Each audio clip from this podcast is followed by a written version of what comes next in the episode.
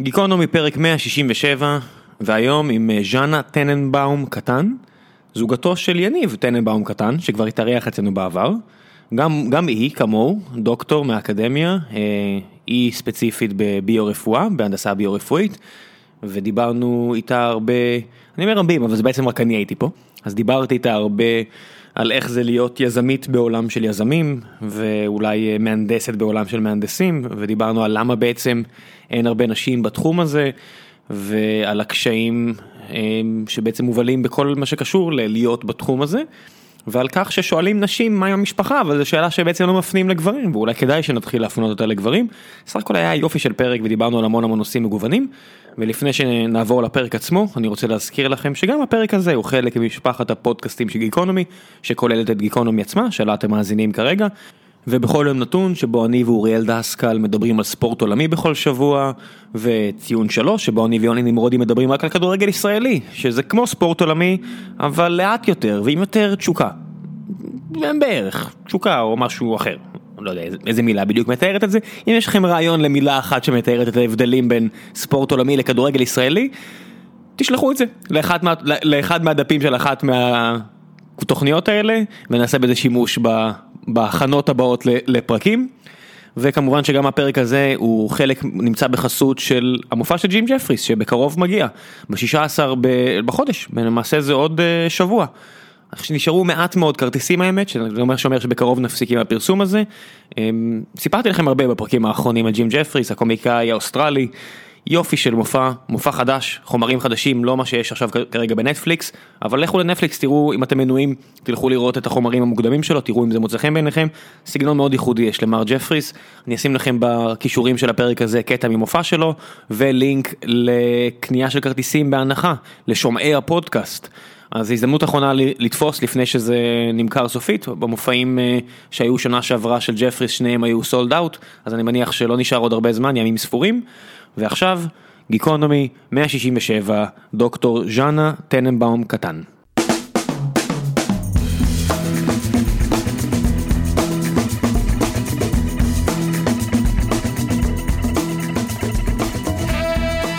גיקונומי 167, התחלנו להקליט עם ז'אנה קטן טננבאום או הפוך? הפוך.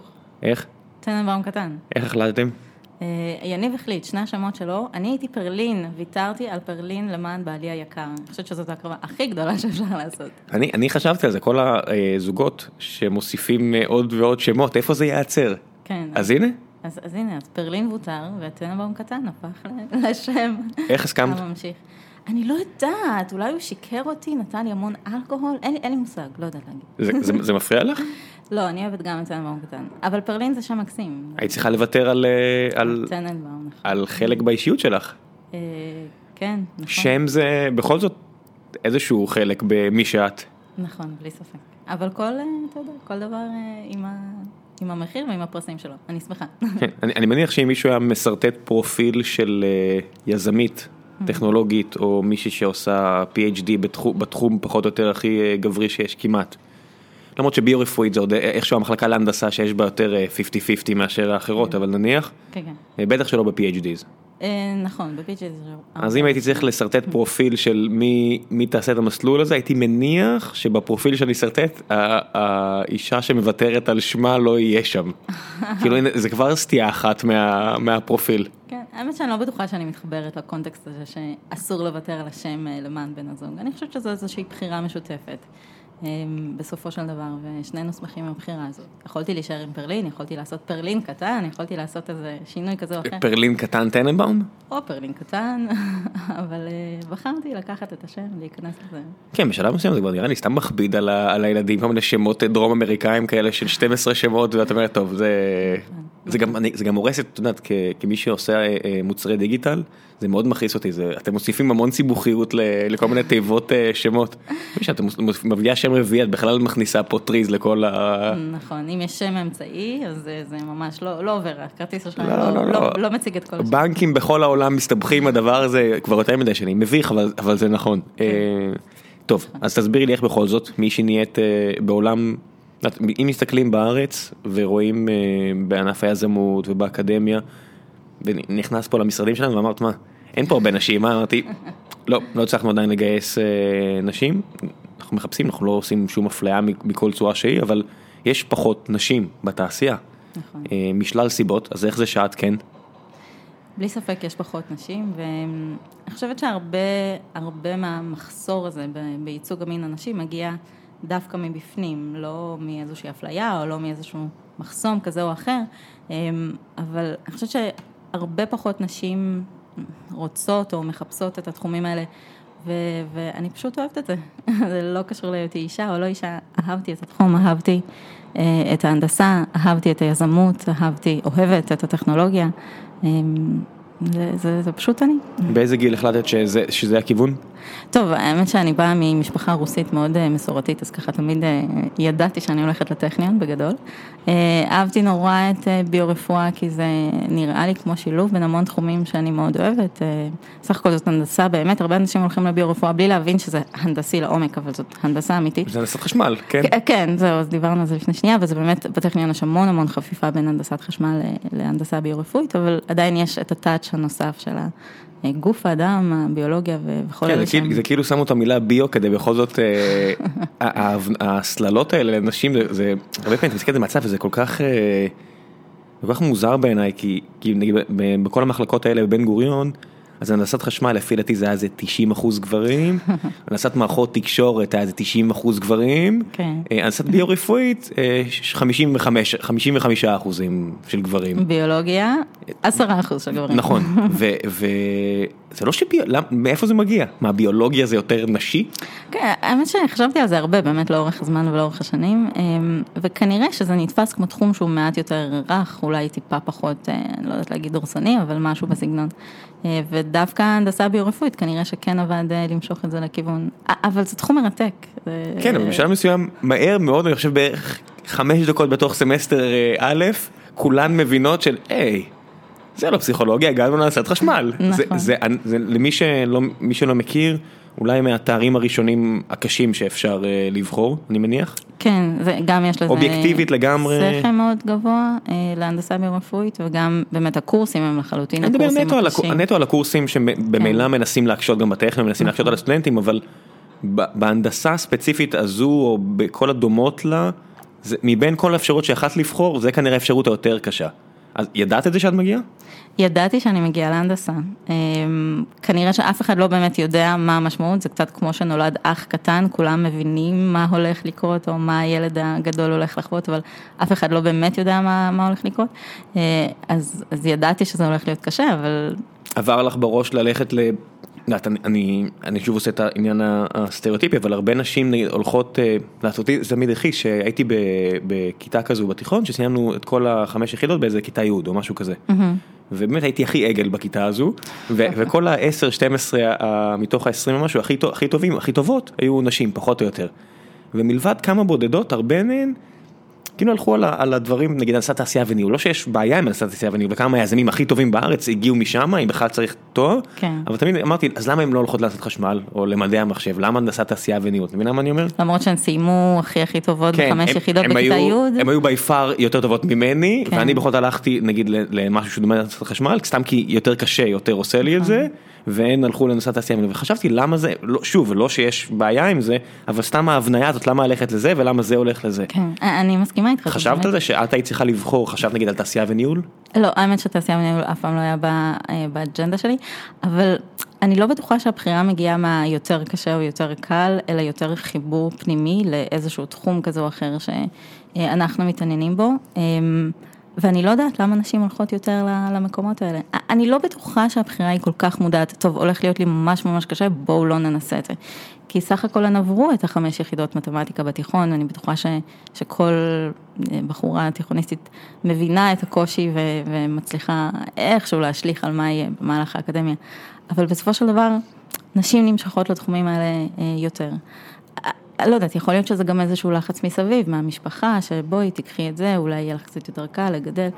אני לא יודעת, למרות שבסופו של דבר אני מאמינה שהכל פנימי והכל בא מאיתנו, ואם אני או מישהי אחרת מחליטה שהיא רוצה ללכת להכי קשה, obviously היא, היא תצליח ותעשה, ואם מישהי אומרת, טוב, אני לא, לא אלך לשם, אז זה גם, זאת גם תהיה תוצאה. אוקיי, אז אם אנחנו מסתכלים על, על המשפך הזה של, נכנס למשפך, נכנס לזה של, של הנדסה, שזה גם ככה באחוזים משהו שהוא לא פחות סביר לאישה, כן, ממשיכה הלאה, מסיימת תואר ראשון, ו...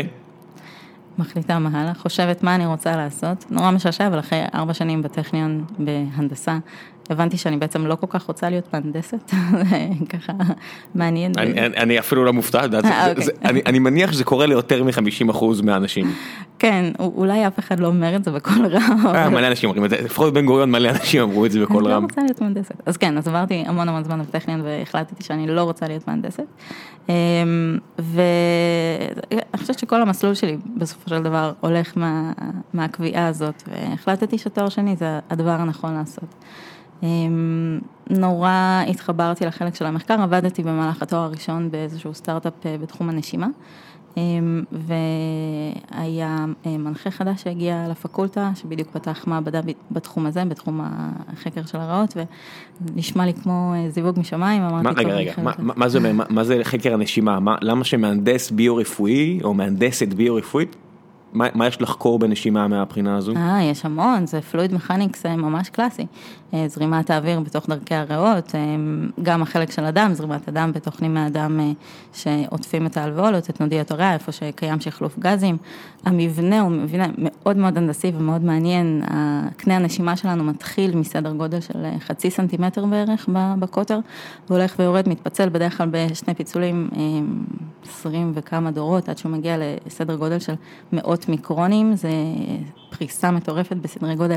ההנדסה היא דווקא מאוד מאוד מעניינת במערכת הנשימה. זאת אומרת עברנו מסנטימטרים ל-10 בחזקת אה, מינוס 6 אה, כן. סנטימטר, גדלים מאוד מאוד קטנים, ועכשיו אני מסתכל ואומר, אוקיי. אני זוכר מה, מה לומדים בערך בהנדסת חשמל, עסקתי בזה פחות או יותר לא מעט, ואני אומר איך זה מתקשר לביולוגיה, אני, אני יודע איך זה מתקשר נגיד במוח, כי שם יש הרבה אה, חשמל, איך, זה, איך זה מתקשר בריאות? טוב, אז, אז באמת הנדסת חשמל זה חלק אה, לא יודעת, גדול ומשמעותי מתוך אה, הנדסה ביורופית, אבל אה, עוד חלק זה גם אה, מכניקת זורמים, שהיא מאוד שולטת, ואז זה מתקשר קצת יותר דווקא להנדסת מכונות, כמובן שיש את החלק הביולוגי יותר, אם זה הנדסת רקמות או ביוחומרים. אה, ודווקא באמת, למרות שבתואר הראשון התעסקתי קצת יותר בהנדסת חשמל, לקחתי את כל הקורסים של הנדסת חשמל ואפילו עבדתי בעיבוד אותות כזה או אחר, בתואר השני אה, מצאתי את עצמי במערכת הריאות ונכנסתי לתוך ה fluid dynamics, שזה עולם... אה, מה עשיתם, מה ניסיתם לעשות? ניסינו, עשינו, לא רק ניסינו. כן, תמיד אומרים ניסינו. זה כן. כמו שפייסבוק מנסים לעשות רשת חברתית מוצלחת. כן, גם נכון. אמ, אז באמת זאת הייתה מעבדה חדשה לחלוטין, נכנסתי לארבעה קירות והקמנו ביחד את התשתית שעובדת עד היום. אה, שזאת הייתה חוויה מאוד מעניינת בפני עצמה. אה, חקרנו אה, את דרכי האוויר הקטנות של הריאה, עשינו את זה מכמה אספקטים, גם באמת מהתחום של האוויר, של זרימת האוויר, איך האוויר זורם בתוך החלקים האלה של הריאות, וזה מעניין בקונטקסט של תנועת חלקיקים, חלקיקים נשימים שיש גם בזיהום אוויר וגם בלמשל תרופות שרוצים להכניס לתוך הגוף, אז הדינמיקה של התרופות האלה היא מאוד חשובה ומאוד מעניינת. לאורך כל הריאות, ואנחנו חקרנו את המקום, את החלק האחרון, את ה-dead end של הריאות, את הכמה, שבעה שמונה דורות האחרונים של לאן זה הולך, מה, איזה אה, גדלים של חלקיקים הולכים לאן ולמה. וזה, וזה שאלות פתוחות בעולם היום?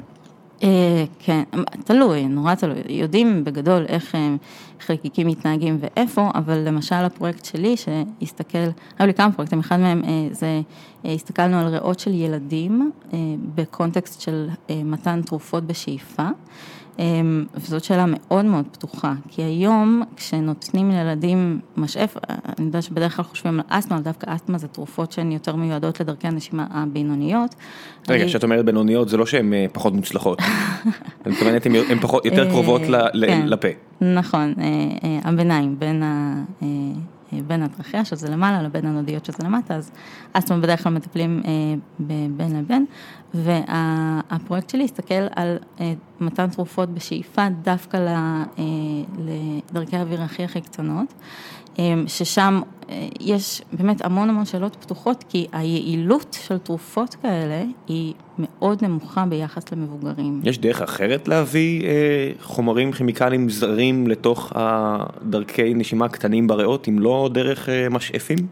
לא. אין שום סיבה. אתה יכול להגיד שאפשר לתת את, ה, את אותה תרופה סיסטמטית, אפשר דרך הפה, אפשר בחיסון, אבל אם רוצים להימנע מחיסון, או אם רוצים להימנע מהקשיים שיש לתרופה במעבר דרך העיכול, אה, דווקא דרכי הנשימה הזאת אופרטוניטי מצוין, זאת הזדמנות נהדרת. וזה לא נספג בכל הכלי דם בדרך? לא בדרך. אז זה אמור לספק, אם אתה רוצה לתת תרופה לגוף בדרכי הנשימה, דרך דרכי הנשימה, אתה רוצה שזה יגיע לדם, mm-hmm. זאת המטרה שלך. הבעיה שזה לא מגיע לדם, זאת הבעיה האמיתית. שמה קורה עם זה? אה, אז הרבה תרופות אה, לא מצליחות לעבור את המחסום של האף והלוע, אה, בגלל הגדלים והדינמיקה. הרבה תרופות... נורא תלוי בגדלים, אבל חלק מהן, אם כבר הן מגיעות לדרכי האוויר הכי הכי הכי תחתונות, הן לא מצליחות לעזוב את זרם האוויר אה, של הנשימה, והן לא מצליחות להספק בדם. אז מה, מה המשחקים? פשוט יוצאות החוצה. מה המשחקים שאפשר לעשות כ- כ- כמהנדסים, כמפתחים של תרופות או של חוקרים, מה, אה, אה, המהירות שבה זה יוצא מהלוע של, ה- של המשאף, מה, מה הפרמטרים פה? אז גם זה, גם המהירות שבה זה נכנס, גם יש הרבה תרופות שאומרים, צריך לקחת שאיפה עמוקה, לעצור את הנשימה, לעצור את הזרם ולתת רק לדיפוזיה או לכוחות הגרביטציה לפעול. יש הרבה כאלה שצריכים, שאומרים, אה, פרוטוקולים שאומרים לשכב על צד אחד, לשכב על צד שני, וכמובן שהמשחק הכי גדול, שזה מה שאני חקרתי, הוא משחק של גודל החלקיקים. אה, יש המון טכנולוגיות ליצור חלקיקים אה, שנעים באוויר וכל טכנולוגיה נותנת איזשהו פילוג אחר של גדלים וגודל החלקיק מאוד מאוד מאוד מאוד מאוד משפיע על לאן זה יגיע. אז בעצם המחקר פה הוא גם איך לקחת חומרים פעילים ולפרק אותם ל... ל... למשהו שהוא איירבורן, משהו שאפשר לשים אותו במשאף, אבל בגדלים כאלה שיעברו איזשהם מחסומים בגוף, ואז לבדוק שזה באמת מגיע? כן, החלק שלי במחקר היה רק אחרי, רק הסתכלנו על הכתרים, אה, צורת הייצור של החלקיקים היא לא הייתה חלק מהמחקר שלי, גם לא, לא כל כך נבדקת במעבדה. רגע, מי בודקים דבר כזה? לא שאתה יכול לשים שפן או לא יודע מה ולהגיד לו שכב על הצד או... ז, זאת אחת הבעיות אבל, שבאמת מאוד קשה לבדוק את זה. בילדים, היום אחת הדרכים לעקוב אחרי חלקיקים איירבורן, כמו שאמרת, בתוך הריאות, זה אך ורק עם איזה שהם אה, צילומים. עם איזושהי קרינה, עושים, אה, יש כל מיני שיטות. מה, צובעים חלק מהם במשהו רדיואקטיבי? רדיואקטיבי, נכון. ואז אפשר לראות את זה זוהר בחושך? בגדול, כן, אבל אני בטוחה שלא הרבה אנשים ייתנו את הילד בן חמש שלהם, או ילד בן שלוש שלהם, אדם אה, עם חלוק ויגידו לו, טוב, תן לו בבקשה כמה שיותר חלקיקים רדיואקטיביים ותראה לאן זה מגיע. כן, בארץ ניסו לעשות את זה פעם בלי לשאול את ההורים ותראי לאיפה הגענו. זה ממש אה, יוצר בעיות 50 שנה אחרי. אכן. אני צוחק, אבל כן, ברור שזה לא דברים שאפשר לעשות היום ב-2018. אז מה באמת עושים? אז, אז זאת אחת הבעיות שהתחלתי את, את המשפט הזה, שהיעילות של התרופות היום היא מאוד מאוד נמוכה, כי לא יודעים מה קורה שם. יודעים שכנראה משהו לא עובד. ההנחה שלנו, או לא ההנחה, החיבור שלנו זה שה... המורפולוגיה או הגיאומטריה, הצורה של הריאות של ילדים, היא שונה במהותה מאשר צורת הריאות אצל מבוגרים. ולכן אי אפשר לעשות את מה שהרבה פעמים עושים, שזה לקחת מנה של מבוגר, להקטין אותה פי כמה וכמה. סדרי גודל או אחוזים רגע, רגע, רגע, מה זה אומר יש לנו תיאוריה, מה זה אומר, אני לא מבין, אנחנו עדיין לא יודעים מה הצורה של ריאות אצל בני אדם בכל חודש בחייהם? לא, לא, יודעים, יודעים מה הצורה של הריאות, אבל לא יודעים איך הצורה הזאת משפיעה על מעבר חלקיקים. פה החוליה החסרה. אי אפשר למדל את זה? אז זה מה שעשינו, עשינו מודלים ועשינו איזה שהם ניסויים, וזה משהו שאף אחד לא, לא נגע בו. מה זה אף אחד? מעט מאוד אה, חוקרים ברחבי העולם נוגעים בעניין באמת המעבר חלקיקים, דינמיקה של חלקיקים בתוך ריאות של ילדים לאורך הגילים. וממדלים של... את זה גם עם, רק עם, עם אמצעים פיזיים או רק תוכנה? אז אה, במעבדה אה, שעבדתי אצל פרופסור שניטמן, עשו, עושים את זה גם באמצעים של אה, CFD, של סימולציית מחשב, וגם באמצעים של אה, ממש מודלים קטנטנים, בונים תעלות בגדלים האמיתיים של 400 מיקרון, 300 מיקרון, משתמשים ב, אה, בכל מיני שיטות של, אה, של הנדסת חשמל. מה, סיליקון? אה, כן. בונים ב- את זה בסיליקון? בונים, ב, בונים אה, תבניות בחדרים נקיים, ממש על וייפרים כאלה של... אוקיי, אוקיי, רגע, רגע, רגע, עצרי, עצרי, עצרי, עצרי, עצרי, שנייה. שמייצרים אה, מעבדים או צ'יפים אחרים, כל הרעיון הוא שמייצרים כמה מיליונים מהם, עשרות מיליונים, מאות מיליונים, זה איכשהו הגיוני כלכלית, הווייפרים האלה עולים הון תועפות, יש חדרים שמיועדים בדיוק לזה, יש פסי ייצור שמיועדים רק לזה, אבל זה הגיוני כלכלית, רק בגלל שהולכים להרוויח עליהם הרבה, והם הולכים לייצר הרבה מהם, איך עושים את זה עבור דבר כזה? אה, אנחנו עושים באמת בכמויות הרבה יותר קטנות, אבל גם הטכנולוגיות הן לא הטכנולוגיות שאתה חושב עליהן, זה... אה, כי בעצם הגדלים. אחד אחורה, אנחנו מדברים על 300, 400 מיקרון, 100 מיקרון ככה בגדול. אוקיי, זה הרבה יותר, למי חושב. שמאזין זה הרבה הרבה יותר גדול מאשר אה, מס. מסילות של מעבדים שהם בעשרות ננומטרים, או כן. היום אפילו, לא יודע, מה, 20, 13, 14 ננומטר, שזה פחות. פי אלף יותר קטן בעצם מהגדלים כן. שאת מדברת עליהם, נכון. וגם יש הרבה שכבות, ובעצם, אוקיי, אז בגלל שהרמת סיבוכיות יותר יותר קטנה, נמוכה. אז זה איכשהו כל, הגיוני כלכלית או מעשית? כן, כן, אנחנו מדברים על מודל שעולה כמה מאות דולרים, ואפשר... אה, אוקיי. כן, ואפשר, אה, זה- זו תובנית שאפשר אחר כך להוציא ממנה איפה הרבה מייצרים מאוד. את זה? אז יש, בטכניון יש אה, מרכז, אה, אה, ברח לי שמו, עוד שנייה אני אזכר, אה, מרכז אה, של ננו טכנולוגיה, שאנחנו עברנו בו קורסים והכשרות, והלכנו ונכנסנו לחדרים ענקיים וייצרנו אותה. ו- וזה מה שעשה לך את זה? ברגע שראית את זה בתואר הראשון אמרת, אוקיי, אני ממשיכה עם זה הלאה? אני חייבת ללבוש את החלוק והכובע האלה כל הזמן בכל אתר שאני...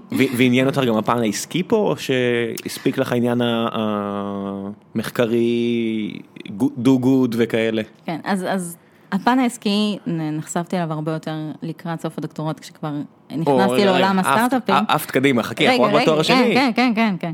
אה, אבל אמ, אה, זאת שאלה ששואלים אותי הרבה. אה, אוקיי, סבבה, חקרת קצת חלקיקים על ריאות של ילדים. נו ו... למה? ומה עושים? מה זה נו ו? נו ו... אבל כאילו, זה- זה- נשמע- זה. נשמע לי מאוד הגיוני, מה זה נו והאפליקציות האפליקציות של זה הן אינסופיות. זה נכון, אבל יש דרך כל כך ארוכה בין המחקר המאוד מאוד נקודתי שאנחנו עושים, כל אחד באקדמיה עושה לבין איזושהי, אה, לא, לא כל אחד, אבל אנחנו עושים, אה, לבין אפליקציות. אה, מה גם שבאמת הפרויקט הזה הוא היה קצת יותר אפליקטיבי, הפרויקטים האחרים שלי היו קצת יותר תיאורטיים, אבל המחקר עצמו הוא, הוא כל כך מעניין ו... והוא נטו של האוניברסיטה? או שיש חברות שכבר מעורבות בשלב הזה? אמ, האמת שספציפית אה, ל- ל- לפרויקט הזה, הוא התקדם מאז שעזבתי, אז אני כבר לא כל כך בטוחה מה הולך שם, אבל אה, כשאני הייתי זה היה לחלוטין של הטכניקה, שלנו, של המעבדה, אה, לא משהו שמעורבות. מש... ובית החולים בחיפה מעורב בזה איכשהו, או חוקרים איתם בית החולים? אה, זה היה ממש בהתחלה, אני מתארת לעצמי שהשלבים אחרים זה באמת לערב גם חברות תרופות וגם אה, אה, בתי חולים, אבל כשאני הייתי זה השלב המחקרי בלבד. אה, נו, אתה רואה, אתה עושה נו וגם אתה לא, עושה נו לא, אני, ובצורה אני, יותר אינטליגנטית. אני אגיד לך מה, אבל מעניין אותי בשלב הזה, אם, את יודעת, הרבה פעמים בסטארט-אפים אנשים כאילו פותרים איזושהי בעיה, ואז כעובד אתה אומר, hmm, הדבר הקטן הזה שפתרנו פה זה חברה, או דברים כאלה. כן. אז מעניין אותי כאילו אם בענפים יותר ביולוגיים, אתה פותר איזה משהו, אתה אומר, אוקיי, זה מעניין הדבר הזה, אולי אני אהפוך את זה לחברה, מעניין מה, ש- למי שייך ה-IP פה. כאילו, מעניין, אני מעניין אותי אם השיחות האלה פשוט, הם, אה, בזמן שאתה, את יודעת, עבודה מחקרית, כן. היא הרבה פעמים נורא מתישה. נכון. היא המון המון עבודה שחורה של ניסויים ולבודד אה, משתנים ולרשום אה, מסמכים וידה ידה ידה, מעניין אותי אם איפשהו פה בין לבין משתלבים גם השיחות האלה של או יש לי פה רעיון מה לעשות עם זה ומעניין אותי איך זה מגיע דווקא ממקום של אישה כן, טוב, בלי ספק. ש- שסטריאוטיפית כביכול פחות חושבת בכיוון הזה בגלל זה אני מתעניין דווקא ב- אצ- אצלך כאילו כי כי אני גם יודע שהגעת בסופו של דבר למסלול היזמי בגלל זה אני באמת מעניין אפילו בשלב הזה של תואר שני כשיש מעלייך המון אנשים שאת- שהנטייה הטבעית של הרבה אנשים אחרים פשוט להגיד הם יודעים מה הם עושים ואם הם לא חשבו על זה כנראה שאין צורך לחשוב על זה. כן, יכול להיות. אמ, האמת שבמחקר הספציפי שלנו, הפן העסקי מבחינתי היה הרבה יותר שולי. יש המון המון מרג'ינג, מיזוג בין האקדמיה לבין הפן העסקי, יש יחידות שלמות שזה התפקיד שלהם בטכניון באוניברסיטאות, של אה, באמת לעשות איזשהו מסחור ל- אה, לטכנולוגיה וגם המעבדה שאני עבדתי בה יוצאים ויצאו כל מיני טכנולוגיות שנמצאות בשלבים כאלה ואחרים אה, של אה, מסחור, פיתוח, פטנט, פטנטביליות, פטנטביליות כן. פטנטביליות אה, וכל היתר. אבל אה, המחקר שלי לא, לא היה לו, אה, לא היו לי מחשבות אה, על יישום עסקי, ובאמת כי עוד לא נחשפתי לפן הזה באותו השלב. אה, שזה מעניין, כי מהרגע שנחשפתי לפן הזה, כי לא יכולתי ללכת אחורה, ועכשיו אני לא יכולה שלא לשאול את השאלות שאתה שואל, אבל אה, באותו השלב זה היה פחות מרכז תשומת הלב שלי. לפני שנמשיך, מעניין אותי כאילו המחשבה של האם הייתי בכלל רוצה שאנשים בשלב הזה ייחשפו לצורת מחשבה הזו, כי יש סיכוי שזה יהיה יותר מדי בעייתי עבור המשך עבודתם, כי מחקר. הדבר העצוב הוא שיש הרבה מאוד שלבים שאתה צריך שאנשים יהיו בורג במערכת. כולם אומרים, אני רוצה שכולם יהיו ראש גדול, ואני רוצה ככה, ואני רוצה ככה כמנכ"ל. זה לא תמיד נכון, אתה יודע, כשאתה סוגר את החדר, אתה אומר, אני צריך שכולם יעשו את העבודה שלהם השנה. כדי שזה יצא לפועל, אני צריך שכולם יעשו את העבודה שלהם, וכשאתה עושה מחקר נורא גדול, אתה צריך שהחוקרים יתרכזו במחקר, וזה הברוך הגדול, זה הצביעות הגדולה פה, שאני אומר לעצמי, האם באמת אוניברסיטה צריכה לעודד יזמות עסקית אצל כולם, בהנחה שזה לא בטוח טוב למחקר עצמו. כן, טוב, כמה דברים, בלי ספק כן ולא, זו שאלה מאוד מעניינת. אמ, אני לא חושבת שבמחקר צריך להיות לא ראש גדול, מה שאמרת, לא, ראש גדול, אה, ראש גדול אבל בתלם. כן, ב... במחקר עצמו. כן. אמ, כן, זו שאלה מצוינת. אני, אני חושבת ש... אה, הדילמה הזאת בין באמת לחקור בשביל לחקור, בשביל להיות חלק מהאקדמיה, לבין לחקור בשביל ליישם ולהרוויח המון המון כסף ולהכניס המון המון כסף חזרה אה, לאקדמיה ולטכניון, שזאת המטרה של הגופים האלה, זה חלק מאוד משמעותי מה... כן, ויצמן ה... פחות או יותר בנו אגפים על הקופקסון של אה, עד עד נכון? מי עשה את זה? לא, לא עד לא זוכר, טוב לא משנה, מה זה משנה, אני יודע שזה יצא משם משילוב של של טבע כן. וויצמן ומן הסתם כל דבר כזה מכניס ים בכסף אם הוא מצליח. בטח, בטח, גם בטכניון יש המון פרויקטים ולא זוכר את המספרים אבל אחוזים מאוד משמעותיים מהכנסות הטכניון הם מהמרכזים האלה של, ה, אה, אה, של המסחור של הטכנולוגיות. אבל זה נכון מה שאתה אומר, האמת שלא חשבתי על זה בצורה הזאת, אבל זה מאוד נכון שאתה צריך שהחוקרים יעשו מחקר אה, ו... אה, למרות שהגופים מאוד אה, מנסים, לא לדחוף, אבל מאוד מנסים אה, ככה לזכור שיש פה, שלכל מחקר צריך לחשוב גם על יישומיות. נכון, לפעמים צריך לעשות מחקר בשביל המחקר, אבל זה החופש האקדמי, שאתה יכול לעשות מחקר בשביל המחקר. כן, כי אתה לא יודע אם מה שאתה עושה עכשיו יוביל לפריצת נכון. דרך גדולה, או שתתקע, אתה יודע, בסופו של דבר עובדים באיזשהו תלם ולא מסתכלים ימינה-שמאלה, ואז מפספסים הרבה מאוד דברים גדולים, אבל סלווי, נכון. אז את מסיימת תואר שני, איך, היה, איך הייתה החוויה? רק אני אגיד, ש... לסיים את הנושא הזה, שבשביל זה באמת יש, המחקר שלך נחשף להמון גורמים בסופו של דבר, גם בתוך הפקולטות, גם בתוך טכניון, גם בכנסים בינלאומיים, גם בפרסומים, אז בסופו של דבר תמיד יהיה מישהו שיגיד, רגע, אולי אתה צריך למסחר את זה. רגע, ו...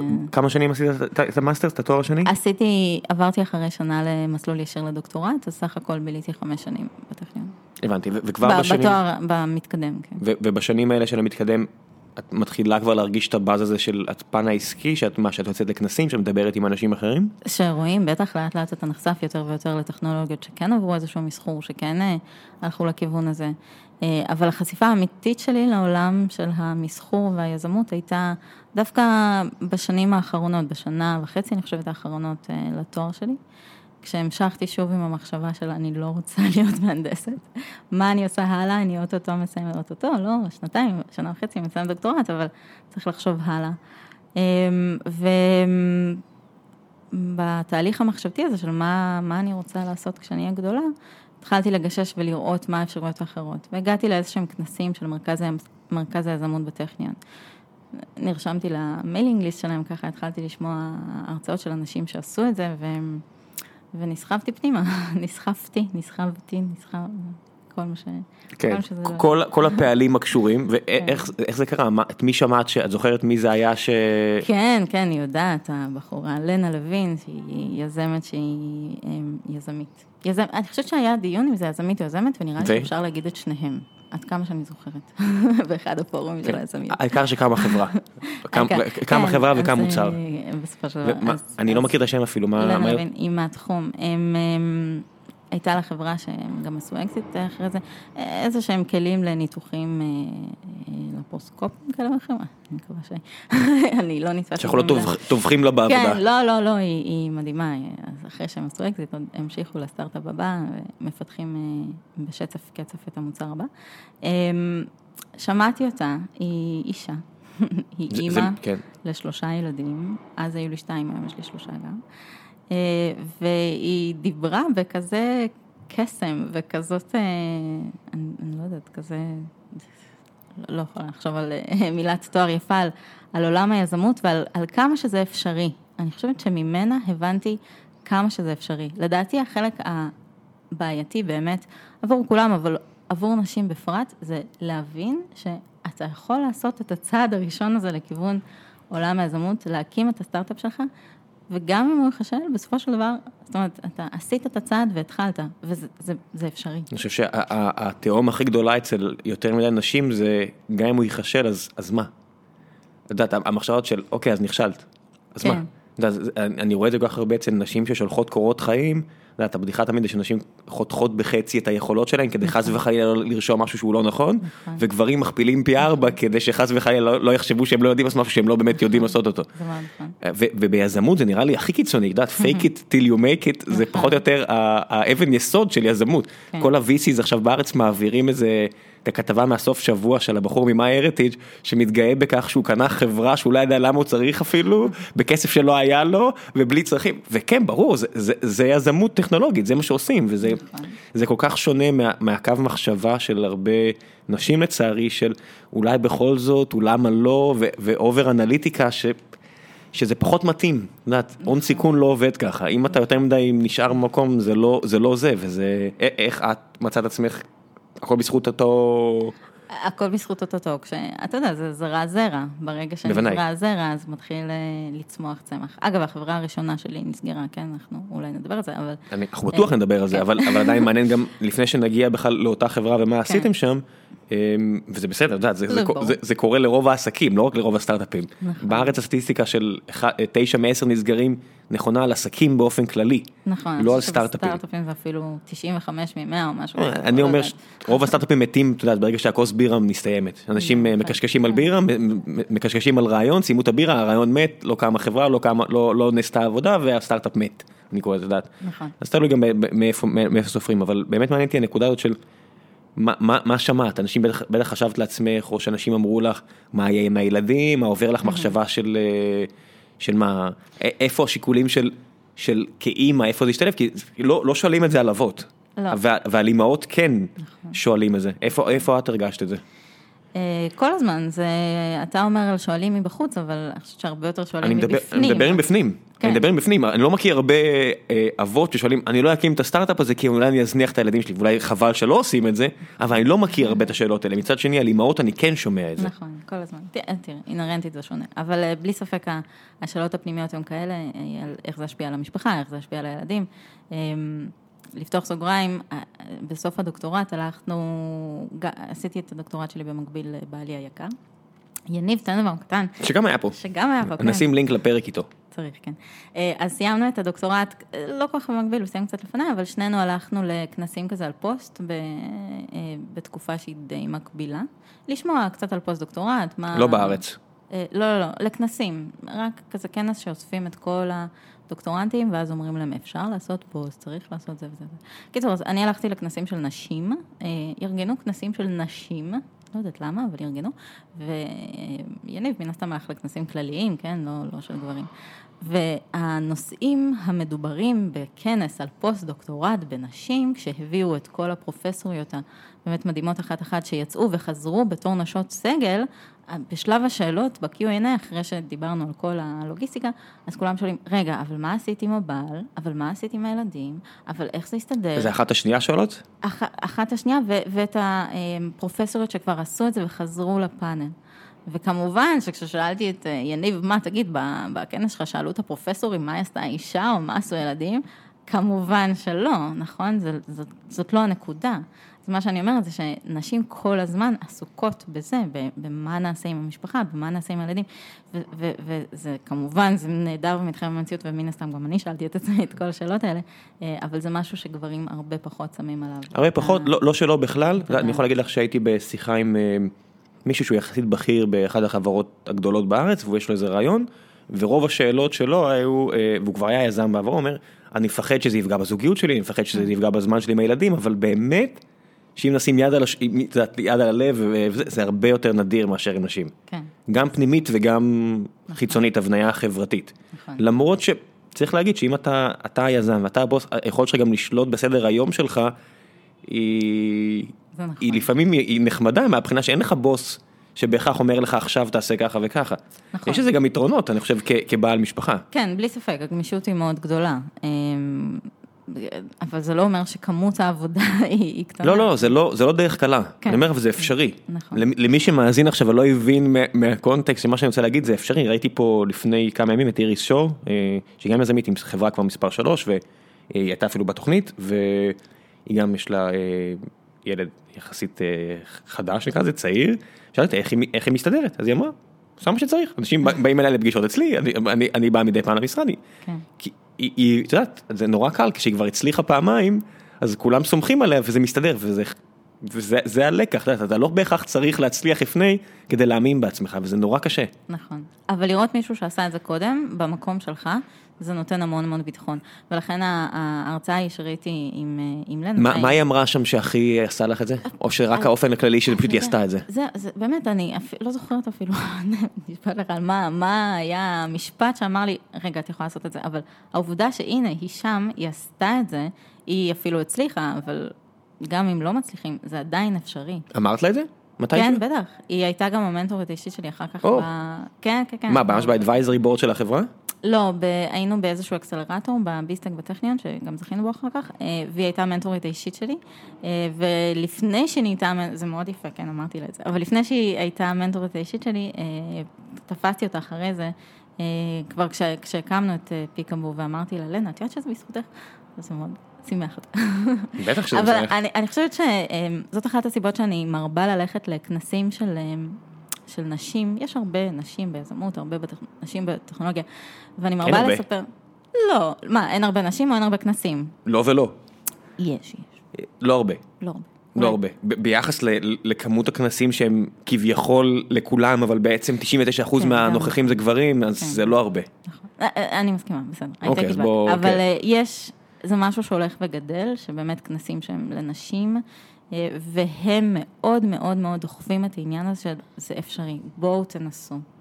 אה, ולכן התחלתי להגיד שאני מרבה ללכת לכנסים כאלה, טוב, לא הרבה, אני הולכת אה, לכנסים כאלה, ומשתתפת בתוכניות של מנטורשיפ וכל מיני כאלה. בכנסים האלה יש גם גברים או שזה, זאת אומרת אם מישהו רוצה להגיע לשמוע, לחוות, אה, לראות מהצד איך זה נראה קשיים של נשים, הכניסה מותרת? בטח, בטח, אף אחד לא סותר. אה, ולהפך, גם כשגברים באים רק לאכול מהכיבוד שלפני, אז אומרים להזמין אותם. מספרים להם על מה הכנס ואומרים להם בואו, בואו תקשיבו.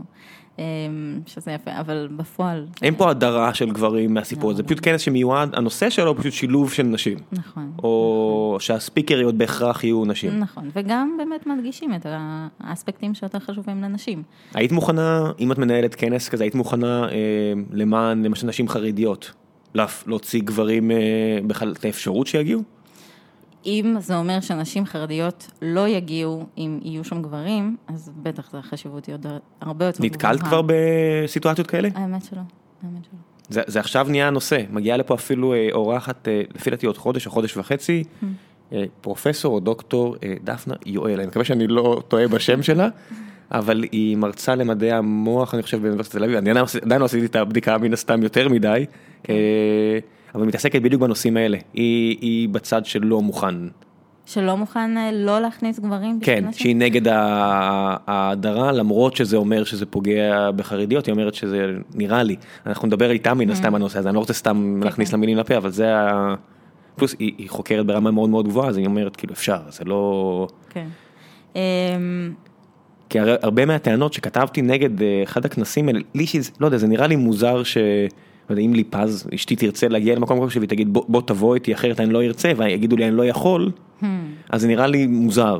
נכון. או, או, או הפוך, או, או כנסים שאישה לא יכולה להגיע, או כנסים שמפרידים, זה פשוט נראה לי אה, לא הגיוני, ומצד שני, עלו, כתבתי על זה ואז קיבלתי הרבה הודעות, הרבה, בצורה מטופשת מחוקרות או נשים באקדמיה, שאמרו אתה לא מבין כמה זה חסר, והם אמרו "ת- תדע לך אפילו חילוניות באות, כי אה, גברים לוקחים לנו את כל החמצן בחדר, וגברים אגרסיביים מדי בשיג ושיח, ואנחנו רוצות חלל שמור רק לנשים. טוב, אז זה שני דברים שונים. השאלה הראשונה היא, האם יש צורך בכנסים לנשים בלבד, שזו שאלה מעניינת בפני עצמה, שאפשר לדון בה ובאמת יש הרבה דברים להגיד, אבל השאלה השנייה, האם אה, צריך להדיר את הגברים מהמרחב הזה? כי גם אם עושים כנס לנשים בלבד, מהניסיון האישי שלי, שאומנם הוא לא סטטיסטיקה מטורפת, אבל באמת יש איזה גבר וחצי בקהל, וגם זה רק כי הוא בא לנשנש אה, מהכיוון. אבל... אה, בפועל זה, זה, זה לא קורה, כשמארגנים כנס לנשים, מי שבא זה נשים. אמ, אני, אני מבינה מאוד את העניין הזה של לא להכניס גברים זה, זה לא בסדר, ואני מסכימה, אבל אני חושבת שספציפית במקרה של חרדיות שלא היו באות אחרת בגלל אמונתן ובגלל עולמן, ושמלכתחילה כל מה שאתה רוצה זה להכניס את העולם שלהן או אותן, לקחת קצת מהעולם שלהן ולהכניס אותם ל, ל, ל, למרחב הזה של הטכנולוגיה ויזמות, אני לא חושבת שהייתי מתעקשת על הנקודה הזאת של לא להדיר גברים. כן, הבעיה, אני מבין לגמרי את הטיעון, הבעיה היחידי, היחידה שלי בנושא הזה הייתה שאם במילא הם יקימו חברה, אתה לא יכול להישאר מבודד אה, נשים. זאת אומרת, יש, יש משקיעים ויש אה, כן. ספקים ויש כל מיני כאלה, ואת, אז כאילו אמרו, עזוב, זה רק להכניס אותם פנימה ומשם כבר יהיה בסדר. ואני אומר, הרי... הדספשן הזה, ההטייה הזאת של בוא רק שהרבנים יראו שבסדר ורק אה, נשים את הצעד הראשון בדלת ומשם כבר, זה נראה לי כאילו, גם, גם, זה, גם העובדה שהטיעון הזה מגיע מעסקנים שהם חרדים, mm. זה נראה לי כל כך דיסונסט, כל, כל הסיפור הזה של אתם לא רוצים אז אל תעשו את זה, כאילו מה... אבל זה, אני... זה ברור לי שזה נופל לכיוון של מי שנפגע כן. בזה זה אנשים. נכון, בגלל זה אני לוקח בחזרה ואני אומר, א', קטעתי אותך והוכחתי את הטענה שאולי צריך מרחב בלי גברים, אבל אה, כן, זה, זה נושא מאוד סבוך, גם, גם אם דעתי בצד אחד, זה לא, אני לא לגמרי בטוח לכל כיוון, כי בסופו של דבר יש לנו בעיה עם מגזרים שלמים שהם מודרים מהסיפור הזה, ולדעתי יש הרבה יותר נשים בתעשייה מאשר חרדים בתעשייה. כן, נכון. נכון מאוד, אבל זה גם, זה אגב מתחיל מאוד uh, להתפתח ומאוד, uh, אתה בעצמך יודע שאתם כן. להיכנס לשם. אחד הדברים המעניינים ששמעתי בקשר לחרדים ולא בקשר לנשים, זה שהחרדים הם יודעים ללמוד, שזה איזשהו פיצ'ר שמאוד מאוד um, מנצלים. הם, נכון ש... נכון שהם מגיעים למצב שבו, הם מגיעים, לא יודעת אם חסרים בידע שלהם, בוא נגיד ככה, אמ, אבל הם יודעים ללמוד ולכן השלמת הפערים, ולכן השלמת הפערים היא אה, יותר פשוטה ממה ששמעתי ספציפית בהתייחס למגזר החרדי. איזשהו פיצ'ר מעניין אה, ששמעתי לאחרונה. כן, אני אומר, אם כל החיים אתה לומד אה, גמרא וכל מיני כאלה, שהטקסטים האלה הם מסורבלים כאילו כפיצ'ר. כן. אה, אה, אה, הם, הם נוראים מהבחינה הזאת, זה כמו לשמוע את הפודקאסט הזה, את הפודקאסט הזה, כולם קופצים מנושא לנושא, ואם אתה מתרגל לחשוב ככה, זה די מתאים, תכלס ליזמות או דברים כאלו, שבאמת, אתה מוצף בהמון המון המון מידע ואתה צריך לחבר נקודה לנקודה שלא נראות בהכרח קשורות ולנסות להבין מה קורה. מה שמפתיע אותי איך זה מתקשר לעריכת דין כי תמיד אומרים שמי שלמד טקסטים יהודים מאוד מתאים לעריכת דין אבל אם הם אומרים אני סומך עליהם זה תמיד נראה לי כל כך מובנה ומסודר אה, משפטים אבל כנראה שגם זה לא כי הלוגיקה הרי מגיעה כנראה מהרבה מאוד אה, פסיקות וכאלה אז אני אסתום את הפה כי אין לי באמת מושג אבל. אני חושבת שזה הכלים הכלים שהם רוכשים במהלך כל שנות הלימוד שלהם. אה, זה מה שגורם לקלות היחסית בלקחת נושא אחר וללמוד אותו, אם זה עריכת דין, או אם זה יזמות, או אם זה טכנולוגיה. אה, ובאמת אני יודעת שיש המון פרויקטים שנכנסים לחברה החרדית עכשיו, אה, ומכניסים אותם לתחומים הטכנולוגיים והיזמים. מה גם שהשימושים האפליקטיביים של מה שאת עשית בחברה שלך, ותכף נדבר על זה, מן הסתם מאוד מתאים לחברה עם המון המון ילדים. נכון. ובטח לחברה שלא רוצה להגיע לבתי חולים ולא רוצה אולי, אה, בצדק, לא יודע למה אנשים רוצים להגיע לבתי חולים, אבל אולי לא רוצים להיחשף ליותר מדי לרופאים וכל מיני כאלה. הם... אוקיי, אז לפני שנגיע לחברה שלך, מעניין אותי שסיימת דוקטורט. אה, כן. לא עובר לך בראש באמת, כמו הרבה חוקרים אחרים, דוקטורט בטכניון, פוסט-דוק ב-MIT או לא יודע, בסטנפורד, ולהמשיך לקריירה הבטוחה והדי אה, רגועה הזו? אמ, לא, באמת שלא. מעולה, זה נראה לי פחות- זה אני- נראה לי פחות כיף, לא יודע. תשובה נהדרת. אה, לא, שקלתי את זה איפשהו, מתישהו, במעמקי מוחי, אולי כי רק ההבניה נותנת, אה, או לוקחת אנשים ואומרת, תשקלו פוסט. אפילו הלכתי לכנס כזה של נשים בפוסט, אה, אבל לא, באמת שלא שקלתי. אה, הייתה תקופה שיניב שקל, ואמרנו שנעשה את זה ביחד, כמובן, והיינו עושים את זה ביחד, אבל בסופו של דבר אה, יניב עבר לתעשייה ונכלא בכלוב הזהב שם, ו... אה, תמיד אפשר לחזור אחורה. אה, אולי, לא, לא יודעת. את חושבת שבשלב מסוים אתה כבר מאבד מומנטום וכבר קשה? גם, לדעתי גם פיזית יש מגבלה של חמש שנים אחרי הדוקטורט, אולי, אני חושבת שאני לא ממציאה. באמת? אה, אני חושבת ששמעתי את זה מתישהו ואיפשהו, לא יודעת. אוי, אקדמיה, תתעוררי. אה, יש כל. החוקים האלה, זה נראה לי כזה... מקווה שאני לא ממציאה עכשיו. לא, לא משנה, זה מה משנה, שיבדקו, גם זה מסוג הדברים שבטח יכולים להשתנות. גם נכון, ובטח תלוי מקום בסופו של דבר. לא, אבל זה קשה, בן אדם, למרות שלא, לקחת מישהו בתור חבר סגל אחרי ניסיון בתעשייה, דווקא יש בזה משהו שהוא ערך מוסף.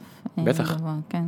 אז את, את בכנס של הפוסט, ויש לך עדיין בראש את, אה, עדיין את הזה, עם, את בעצם את הספיץ' של לנה, ויש לך אולי. כן. את, מה, את מתחילה לחפש רעיונות בכל מקום? אז אתה יודע, רעיונות יש בכל מקום, בתור מהנדסים, בתור אימא, בתור אה, אנשים, אה, אני בטוחה שיש לך 30 רעיונות בכל רגע, אה, גדול. כן, רק החברה הזו מורכבת מ-30 רעיונות שונים שצריכים להתפצל לחברות שונות ואנחנו מאבדים פוקוס מרגע לרגע, כן. אני צוחק, לא, אבל, לא, לא, אבל- אני לא צוחק, אם המשקיעים שומעים אני מצטער, אני צוחק. אז כן, אז רעיונות יש אין סוף. אה, צריך כמובן לאבחן צורך ולא רק רעיון, ולעשות את ההפרדה הזאת בין משהו שאתה צריך לבין משהו שהרבה אנשים צריכים, או כולם צריכים. אה, אבל כן, דברים מתחילים להתבשל לאט לאט בראש, אתה יודע, אמרנו שזרע נזרע ומתחיל לצמוח לאט לאט פרח, ו... אה, ולנה, חוץ מזה שהיא היא אישה ואימא לשלושה, אה, אה, והיא ממש שבתה אותי בסיפורים שלה, אבל אה, אני חושבת שבאותה הרצאה הבנתי אה, משהו מאוד חשוב על בשלות טכנולוגית לפני שנכנסים לסטארט-אפ. עד אז היה לי בראש מין קונספט כזה, שאני צריכה שהטכנולוגיה שלי תהיה מאוד מאוד מאוד מפותחת, מאוד מדויקת ומאוד מאוד סגורה על עצמה, כדי בכלל להתחיל לחשוב על אה, לקחת את זה לכיוון הסטארט-אפ. אתה מהנהן כי אתה כי, כי, זה מאוד. נש... כי זה מאוד נשי מצידך, לא אה, עם כל הסטריאוטיפים שציינתי לפני כן. זה נכון. אני אגב באתי מ- מרעיון אחר, עדיין יש רעיון אה, בתחום אחר לגמרי, בתחום הקינים, שעוד לא יישמתי, ואני כל הזמן אומרת שזה יהיה, זה יהיה הסטארט-אפ הבא שלי, אז אני עדיין, אולי זה יהיה הסטארט-אפ אין הבא שלי. ספק שאני אני קינים מדבר אליי מאוד, בעיה לא, אקוטית בחיי הפרטיים, ילדים קטנים, כן, כן, כן. ילדות קטנות, כן. בעיה אמיתית, מהותית נוראית. בוודאי. אה, אוקיי, סבבה. אז, אה, אז עדיין יש לי רעיון שיום אחד אני אשם אותו באמת, אה, והטכנולוגיה שלו, שאני חושבת עליו, היא מן הסתם בשלב מאוד מאוד מאוד early stage שלה ומאוד לא מתקדם, ו, ועד אותה הרצאה אני חשבתי שאני חייבת להגיע למקום עם טכנולוגיה מאוד מגובשת. ובאותה הרצאה הבנתי שלא, לא, לא, כאילו, באמת, באמת שלא. נכון שכדי לפתוח סטארט-אפ אתה צריך איזשהו proof of concept ואיזושהי היתכנות ואיזשהם בדיקות, אין ספק, ו- וכמה שאתה עושה את זה יותר מוקדם, אני חושבת שמישהו שאל את זה באחד הפורומים, מה השלב הנכון בבשלות הטכנולוגיה ללכת אה, ולפתוח או ללכת ליזמים, אז מן הסתם כמה שאתה הולך עם טכנולוגיה פחות בשלה, ככה אתה אה, מוכר יותר חלקים ממנה, אה, אבל הטכנולוגיה לא צריכה להיות אה, סגורה לחלוטין.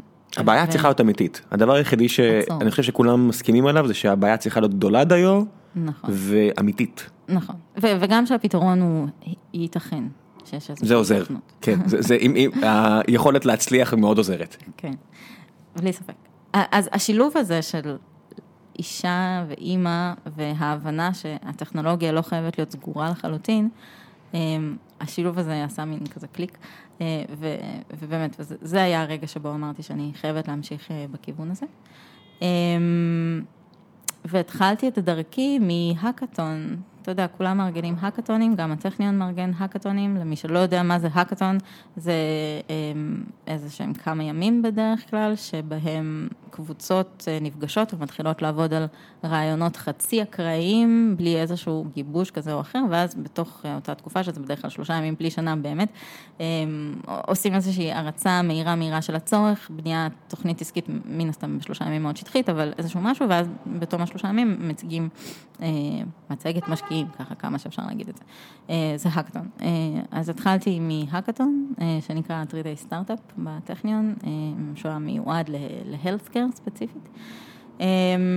ולשם הגעתי עם הרעיונים הכנים, אבל מהר מאוד אה, המשכנו דווקא לרעיון שבא מצורך אחר. אה, שם פגשתי את, ה, את הצוות, בשביל הצוות שלי, אמ, שגם הגיעו כל אחד אה, מעולמו שלו. זה great success להאקתון הזה, שמע שיצאת מזה חברה. כן, כן, זה, זה לא החברה הראשונה שיוצאת מהאקתון, הם, הם מצליחים, באמת הם מצליחים. אני חושבת שזה קונספט שהוא מאוד מעניין, כי באים אנשים אה, שהם מאוד לא מוכנים, אבל הם נכנסים למסגרת ששואלת שאלות נכונות בזמן מאוד מאוד קצר. אה, נכון שלא כולם יוצאים מחברות, אבל אני חושבת שאחוזי הצלחה הם, אה, הם לא רואים. אוקיי, אז מה, מה היה הצורך, מה היה הרעיון? אוקיי, אז, אז פיקאבו, החברה שלנו, באה לענות על צורך של איסוף דגימות שתן מתינוקות, בעיקר ילדות, שלא גמולות מטיטולים. אמ, יש קונדישן, כן, כמובן שנקרא דלקת בדרכי השתן, אה, שהוא יחסית נפוץ בתינוקות. הבעיה שאי אפשר לאמת אותו אה, בלי דגימת שתן אה, נאותה, בואו נגיד ככה. וזה מאוד מאוד קשה, גם בגלל סיבוכים אנטומיים וגם בגלל שהילדה לא יודעת לשלוט על השלפוחית שלה ואף אחד מאיתנו לא יודע מתי היא תעשה פיפי. מאוד קשה לקחת דגימת שתן נאותה, כלומר סטרילית לצורך העניין. אה, ולכן הבנות האלה שנחשדות, התינוקות שנחשדות בזיהום בדרכי השתן, בדרך כלל נשלחות לבית חולים לעשות קתטריזציה של דרכי השתן, שזה מאוד מאוד לא נעים. אני אגב מדברת על בנות, כי 90% מהמקרים בגילאים האלה זה בנות. אה, אנטומיה, מה לעשות? כן, נו, ככה, נדפקנו בכל דבר.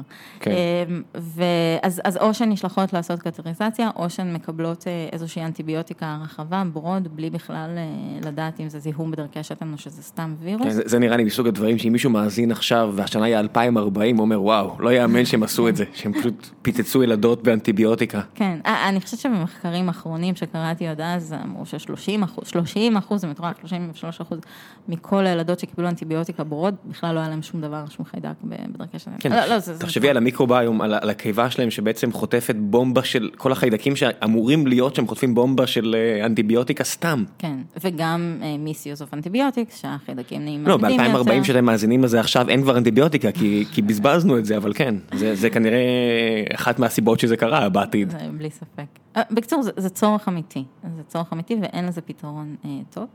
אה, ופיקאבו פיתחה אמצעי שהוא לא פולשני, שהוא ממש אוטונומי לחלוטין, אה, עם מנגנון מכני, אה, שיודע לאסוף את השתן אה, בצורה סטרילית. מה שעשינו זה דימינו עשינו דימוי, אה, מימיקינג, לאיך שמבוגרות עושות את זה. הרי אף אחד לא הולך ונותן קטטריזציה למבוגרות, אה, וגם מבוגרות יודעות לאסוף דגימה שהיא נקייה. בגלל הבדלים אנטומיים, אז, אז מה שפיקובו עושה זה, זה לקחת את מה שמבוגרות עושות ולשים את זה על ילדות.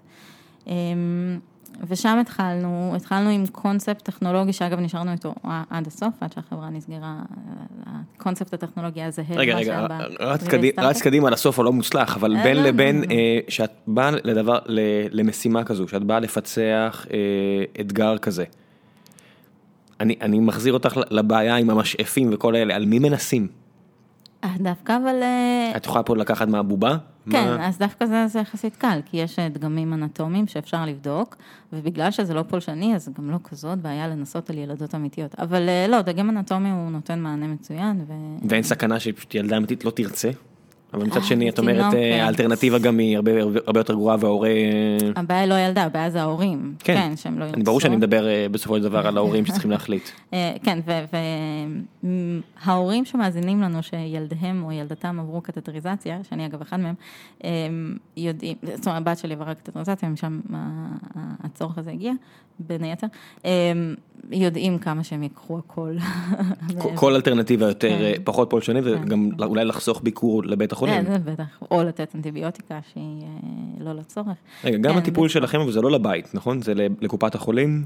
כן, המרקט הראשון היה אה, בתי חולים דווקא, אה, כי... אה, בתי חולים, אחר כך קופות חולים, ו, וגם היה לנו vision של over the counter בסופו Mm. של דבר. אה, אז כן. אוקיי, אז, אז מתחילים, מקימים חברה, את וכמה שותפים? אה, אז בגדול היינו שלושה שותפים. שותפות, אה, שותפים? לא, לא, שותפים. אני ועוד שני ועוד שניים? שותפים, כן, שהם שני רופאים. אוקיי. הלכנו, זכינו בטרנדי סטארט-אפ במקום הראשון, ולכן המשכנו לאקסלרטור של הטכניון, הביסטק, ששם זו מסגרת, באמת, מסגרת מצוינת, כי מג... אני הגעתי לשם, כן, עם אפס ידע במה צריך כדי להקים סטארט-אפ, אה, ולא יצאתי עם ידע מה צריך להקים סטארט-אפ, אבל יצאתי עם המון שאלות שאני יודעת לשאול. אני חושבת שאחד הדברים הגרועים זה לא שאנחנו לא יודעים את התשובות, זה שאנחנו לא יודעים מה השאלות שאנחנו צריכים לשאול, נכון? אה, זאת בעיה מאוד גדולה. חד. משמעית, אה, הרבה פעמים גם אחרי שאתה סוגר שניים כאלה, אתה עדיין לומד דברים חדשים שחבל שלא ידעת לפני כן, כן. לצערנו. של, באמת, לא התשובות, אלא השאלות שאתה צריך לשאול את עצמך. אמ, והאקסלרטור, ביסטק האקסלרטור הזה היו מסגרת מצוינת למה הדברים שאתה צריך אה, לשאול. יצאנו משם עם המון המון ידע והמון חשיפה, המון כלים, המון קשרים, וזכינו גם באקסלרטור, אמ, וזאת הייתה חוויה באמת נהדרת, מלמדת, אמ, מעניינת, וכל דבר טוב שאני יכולה להגיד. אמ, וזהו, מה היה הצעד משם. הראשון? אה, פיתוח של אה, prototype, הגשת פטנט, פיתוח prototype. אוקיי, אז מתחילים מההתחלה. רוב, רוב החברות יכולות uh, to bootstrap it, לא צריך כסף, כי זה בדרך כלל רק תוכנה, אתה יכול לעשות בעצמך ויד יד יד, אצלכם זה מכשור. כן, מכשור אתם חייבים כסף. נכון, כסף צריך להגיע למשקיעים. אף אחד מכם עדיין לא הגיע למשקיעים, אני מניח. נכון. איך זה? כן, אבל זאת באמת השאלה של איך, בגלל זה תחום ה medical הוא באמת כל כך קשה, כי אמ, זה, זה מין אה, כזה מעגל שמזין את עצמו, כן? אין לך prototype לצורך העניין, אז זה נורא קשה לגייס משקיעים, אבל אה, אי אפשר לעשות prototype ומגייסים משקיעים, אז זה... אה, אז מה- איך באמת פותרים את זה? אה, אז אה, קיבלנו קצת כסף מהאקסלרטור, אה, ואיזושהי השקעה עצמית כזאת או אחרת, והתחלנו לאט לאט, אתה יודע, בשלבים, לא הולכים ושמים המון המון אלפי, מאות אלפי דולרים על prototype, התחלנו לאט לאט. ובסופו של דבר, החברה נסגרה בגלל שלא גייסנו כסף. אוקיי. אז אה, כמו- כמו שקורה לרוב החברות כן, לפני נכון. ה seed money או לפני ה round A, או נכון. הרוב המוחלט של החברות, דורון תמיד אומר אה, שחברות מתות כשהפאונדרים מחליטים להרוג אותן, אבל הרבה פעמים זה, זה קורה רק כשכבר החברה מתה. אז, אז באמת את, ה, את, ה, את הכדור בראש זה קורה שה founder מחליט ל, ל, לסגור את החברה, אבל החברה מתה עוד לפני כן. כן, אמ, נכון. יש הרבה מאוד דברים כשהיזמים יוצאים לדרך שהחברה dead in the water, בגלל דברים שלא עשית נכון בתחילת הדרך או החלטות שעשית. הערך הלימודי הוא עדיין עצום, בגלל זה מעניין אותי עדיין שהמאזינים, מאזינות כן יקשיבו לדברים שעברת בדרך שם. אמ, כמה זמן הייתה כל ההרפתקה? אה, שנתיים, היינו סך הכל שנתיים. אה, בלי ספק שהערך הלימודי הוא עצום, בלי ספק שהיום אני נמצאת איפה שאני נמצאת היום. הבעיה עדיין אמיתית?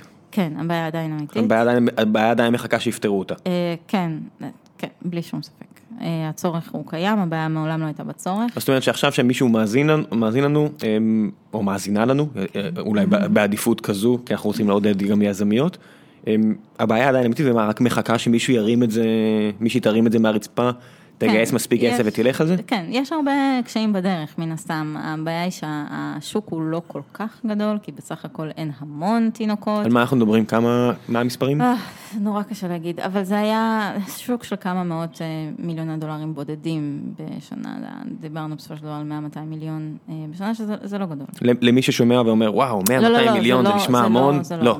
זה, 200, זה, לא הרבה. הרציונל הוא כזה, אם יש לך מעט מאוד כדורים במחסנית עדיף לכוון על פיל מאשר על זבוב. כן. אה, למי שלא מבין את האנלוגיה עדיף ללכת על מטרה שהיא עצומה, כי גם אם תפגע בחלק מהשוק או תעשה פתרון שעונה על חלק מהצרכים, עדיין יש לך אה, מספיק תשואה בסוף כדי לה- להצדיק את ההון סיכון בהתחלה. כן. אה, במקרים של שכל השוק הוא מאה- מאות מיליונים, הרוב המוחלט של המשקיעים יסתכלו על זה ויגידו אני מעדיף להמר על משהו אחר. נכון. כי זה בסופו של דבר הימור.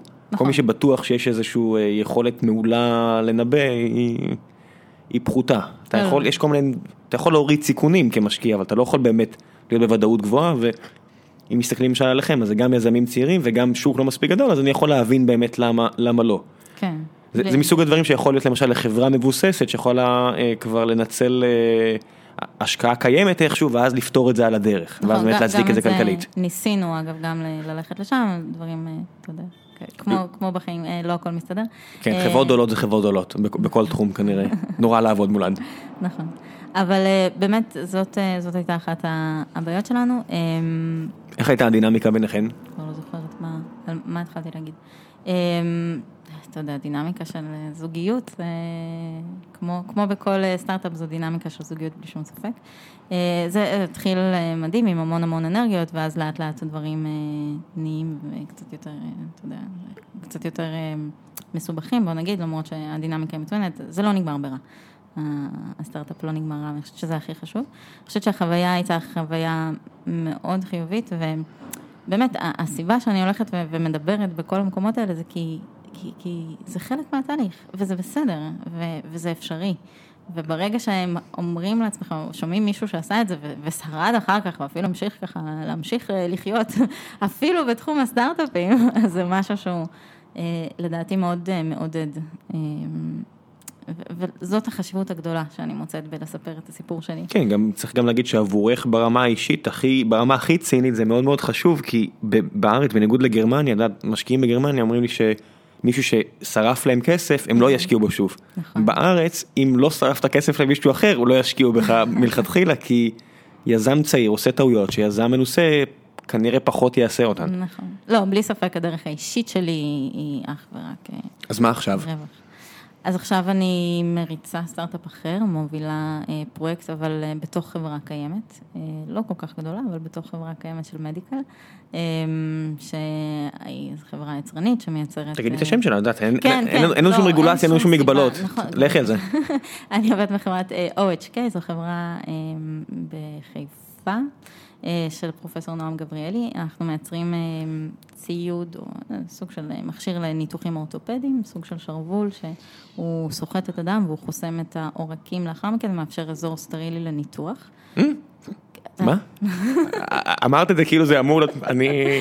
אני מדגימה, אני אדגים לראם, כן. אנחנו מלבישים שרוול על איזושהי גפה, סוחטים לאט לאט את הדם מאותה הגפה, עכשיו היד? שלי מעל המרפק, רגע, רגע, רגע, רגע. עכשיו חוסם עורקים, נכון. אז החוסם עורקים, הוא לא רק חוסם את העורקים, הוא סוחט את כל הדם מהגפה כלפי כל הגוף, למה? בשביל לאפשר אזור סטרילי בלי דם לניתוח. ואז ברגע שחוסמים את העורק וחוסמים את החזרה של הדם, אפשר לנתח את הגפה, שאני מראה ברגע זה. העזרים הוויזואליים מאוד זה, עוזרים. זה עוזר, הרי כששמים חוסם עורקים, אה, מתחיל להתפתחים, מתחילים להתפתח כל מיני דברים רעים בגפה, ואם אתה לא משחרר אותו בזמן אז יהיה נמק, נכון? כל מיני דברים כן, כאלה. אבל יש, יש איזשהו חלון אז- שאנחנו יודעים לנצל אותו. אז זה בעצם חוסם עורקים יותר טוב, או שהוא פותר בעיות אחרות? הוא סוחט את הדם. חוסם עורקים משאיר את כל הדם שהיה בגפה, בתוך הגפה. ואז אין לך אזור שהוא בלאדלס, ללא דם. אז מה הפתרון הנוכחי? לא יודע, אותי ניתחו לפני עשר שנים באצבעות, מה עשו איתי? אז או יש כל מיני דברים שהם, אה, חוסם עורקים פנאומטי קוראים לזה, שהוא אה, סוחטים את זה ידנית, אז סוחטים ידנית מה? כאילו, את הדם מהגפה. אוי ואבוי. לא, זה לא אוי ואבוי, זה סתם נשמע נורא. אה, אז או, שיש באמת חוסמי עורקים אחרים אה, שמשאירים דם בתוך הגפה, אה, משאירים קצת דם, משאירים יותר דם. יש כאלה, יש מנתחים שלא מנתחים, לא מש- משתמשים בכלל בחסומי עורקים, הם, נו, צורבים את כלי הדם שהם פוגעים בהם בניתוח, אבל זה פשוט לא נוח וזה לא סטרילי. אה, וזה לא טוב, המוצר שלנו הוא טוב והוא נהדר, לא באמת, אנחנו אני- מוכרים במלא זה- מלא ארצות זה העולם, לגמרי נשמע הגיוני. כי הוא נוח, הוא חד פעמי, הוא סטרילי, הוא, השימוש שלו הוא ממש מספר אה, שניות, זה רק 15-20 ל- זה רק שניות. לידיים? זה לגפיים, גם לרגליים. אז אה, מלבישים את זה מה, על- על ה- על ה- על אני לא הירך? אשת מכירות אצלנו. לא, לא, זה בסדר, אני שנייה, לא- אנשי מכירות, אה, לא, אבל נראה לי אני עושה עבודה טובה. הם רק שירגישו טוב עם עצמם, שהם עושים עבודה הסברתית יותר טובה משלך, אבל את את מפתחת את זה, מעניין אותי מה... לא, אני לא מפתחת את זה, החברה מייצרת את זה, אני מפתחת טכנולוגיות חדשות, אבל אה, עוד שנייה, אה, אוקיי. על זה, כן, מלבישים, אה, לאט לאט מגלגלים את השרוול הזה אה, על, אה, על, על גפה, אם זה יד או עם רגל, אה, ועושים את הניתוח באזור שמתחת לשרוול. אוקיי. אה, נו, אז באמת, זה מוצר שהוא, אני רואה אותו בתור גאוני, כי הוא נורא פשוט. כבן אדם שעבר שני ניתוחים בכפות ידיו, אני מעריך את זה מאוד, אני... האמת שאם בטוח עברת אותו לאחרונה, מתי עברת, אז יש סיכוי שישתמשו בך, ישתמשו בשרוול הזה. פעם ראשונה ב-2005 ופעם שנייה ב-2013? אולי, אולי. ובארץ יש... אה, בתל השומר זה היה. אמ, אולי, כן, יכול להיות. אוקיי, יש אז הנה, אז- תודה. לכם שעזרתם למנתחים שלי. אמ, זה לא רק אבל למנתחים, זה גם למטופלים, כי הכאב מחוסם עורקים אה, שהוא לא, שהוא אה, סטנדרטי כזה, אה, הוא הרבה יותר גדול. יש כאבים אחרי הניתוח שמגיעים ספציפית מהחוסמי עורקים, אה, ואנחנו גם מורידים את הכאב הזה כי ה- אה, שטח ה- הלחץ שלנו הוא הרבה יותר קטן. אה, מאשר בחוסם עורקים סטנדרטי כזה. ואיך מגינים בעצם על- על אה, מוצר כזה? זה פטנטבילי? כן, כן. אז זאת אומרת שיש לכם איקס שנים שהחברה יכולה ליהנות מהפרה החולבת הזו לפני שזה יהפוך להיות קומודיטי וכולם יגנבו את זה? כן, אבל אנחנו כבר נמצאים עמוק עמוק בשו... בשוק, עמוק בתוך חדרי הניתוח האורתופדיים, אה, אנחנו מכירים את כל השטח, מכירים את כל האנשים, אז... אה, אז בעצם כמו כל סטארט-אפ אחר, הער- אחד הערכים הגדולים פה זה בעצם צוות סיילס נורא חזק. נכון, אה, גם תפוצה גדולה, כן, כן, לק. בלקבוק איכותי אצל אנשים, שאנשים לא מעריכים עד כמה מחלקת סיילס טובה יכולה לעשות את ההבדל בין נכון, אה, נכון. חברה מפרפרת לחברה פורחת. נכון, אבל גם אנחנו כל הזמן אומרים שפטנט זה לא הדרך היחידה להגן על המוצר שלך, נכון? לקוקה קולה אין פטנט. אה, להפך, ברוב, ברוב, ברוב המקרים אתה לא רוצה פטנט, כי אז א', הוא שם אותך ליקס שנים ואתה מגלה לכולם בדיוק מה אתה עושה. נכון, אחרי ה... לא אחרי, מגלה כבר בהתחלה, אבל תוך כן, כמה זה, זמן זה התנאי של. פטנט, אתה בעצם נכון. מספר לכולם מה אתה עושה בתמורה לזה שהם לא יגנבו אותך. כן. אז יש בגלל זה הרבה מהממתקים שאתם אוכלים, למשל M&M והרשיז וכל האלה, ברוב, המוחלט של המקרים אין פטנטים על הדברים האלה, פשוט שומרים ממש טוב בסוד את ה... כמו שסיפרת על קוקה קולה. כן, נכון, יש איזה שני אנשים בעולם שיודעים מה המרכיב של קוקה קולה ואסור להם להיות על טיסה בו זמנית. אני, אני, חושב. אני חושב שזה היה, שזה היה נכון, אני לא בטוח אם זה עדיין נכון, אבל בדיוק שמעתי לא מזמן על, אה, על טוויקס נראה לי, או אחד מהממתקים האלו, שיש שם אה, שבעה או שמונה תהליכים נורא נורא מורכבים, וזה היה חלק מהסיבות שהם מפתחים ממתקים חדשים, זה רק אם באמת יש שם תהליכים נורא מורכבים, שיהיה נורא קשה להבין אותם, הרי כל, כל חברה מפעילה המון המון חוקרים כדי לעשות reverse engineering על הממתקים של החברה האחרת. נכון. והכי מצחיק בסוף זה מגיע לאיזה מישהו שאומר, אה, לא אכפת לי, זה לא מבדיל, זה טעים, זה טעים, זה טעים, לא, לא, לא באמת אכפת לי, מלא שוקולד, מלא סוכר, שמתם שם יופי, כל הכבוד. אבל אה, הם יודעים מה הם עושים, החברות האלה לא ענקיות סתם. כן. אז רגע, אז הביאו אותך בעצם בשביל להביא את המוצרים הבאים? אה, כן, בדיוק, אז אני מפתחת, אה, עובדת על שני, אה, שתי טכנולוגיות, שני מוצרים חדשים. אה, אה, כן, וזה בדיוק מה שעשיתי עם פיקאבו, כי אני לוקחת קונספט, כן, ומפתחת אותו כולל כל השלבים בדרך, אם זה הרגולציה, ואם זה הקליניקה, ואם זה אה, פטנטים, אה, שאנחנו מתעסקים איתם קצת עכשיו. אה, אז כן, אז, אז בלי ספק. מה את עושה? רגע, את לא יודעת, לא... לא, לא, אה, לא. אסור לדבר על זה אפילו? כן. אה, אוקיי, בסדר. אז- אבל- עושים? לא, אני לא יודע. רגע, אז איפה אתם, באיזה שלב אתם נמצאים עכשיו, או שגם זה אה, עדיין תחת... אה, אה, בפיתוח, בפיתוח. אז לא זה- רע. מסוג הדברים שצריך FDA approval הדברים כן, האלה? בטח, בטח. אה, אוקיי. ספק. FDA, כל- מוצר למי שלא יודע מה זה FDA, למרות שלא נראה לי שמישהו לא יודע מה זה FDA, אבל כל מוצר רפואי בארצות הברית מחויב אישור של FDA, שזה ה-Food and Drug Administration, שזו איזושהי רגולציה שהיא כבדה בגדול, מאוד מאוד כבדה. בעיקרון אין צורך ב-FDA מחוץ לארצות הברית, אבל כמובן ש-FDA מרק הוא מצוין למכירות, והוא איזשהו בנצ'מרק ש- שחייבים, יש גם CE ב- באירופה, אז, אז גם זה אה, חלק, מה, אה, חלק מהתהליך. אה, אז כן, אז המוצר נמצא בפיתוח אה, פיזי, גם של prototype, גם של כל שאר הדברים. היית. רוצה שהרגולציה תהיה פחות קפדנית? Hmm, שאלת השאלות.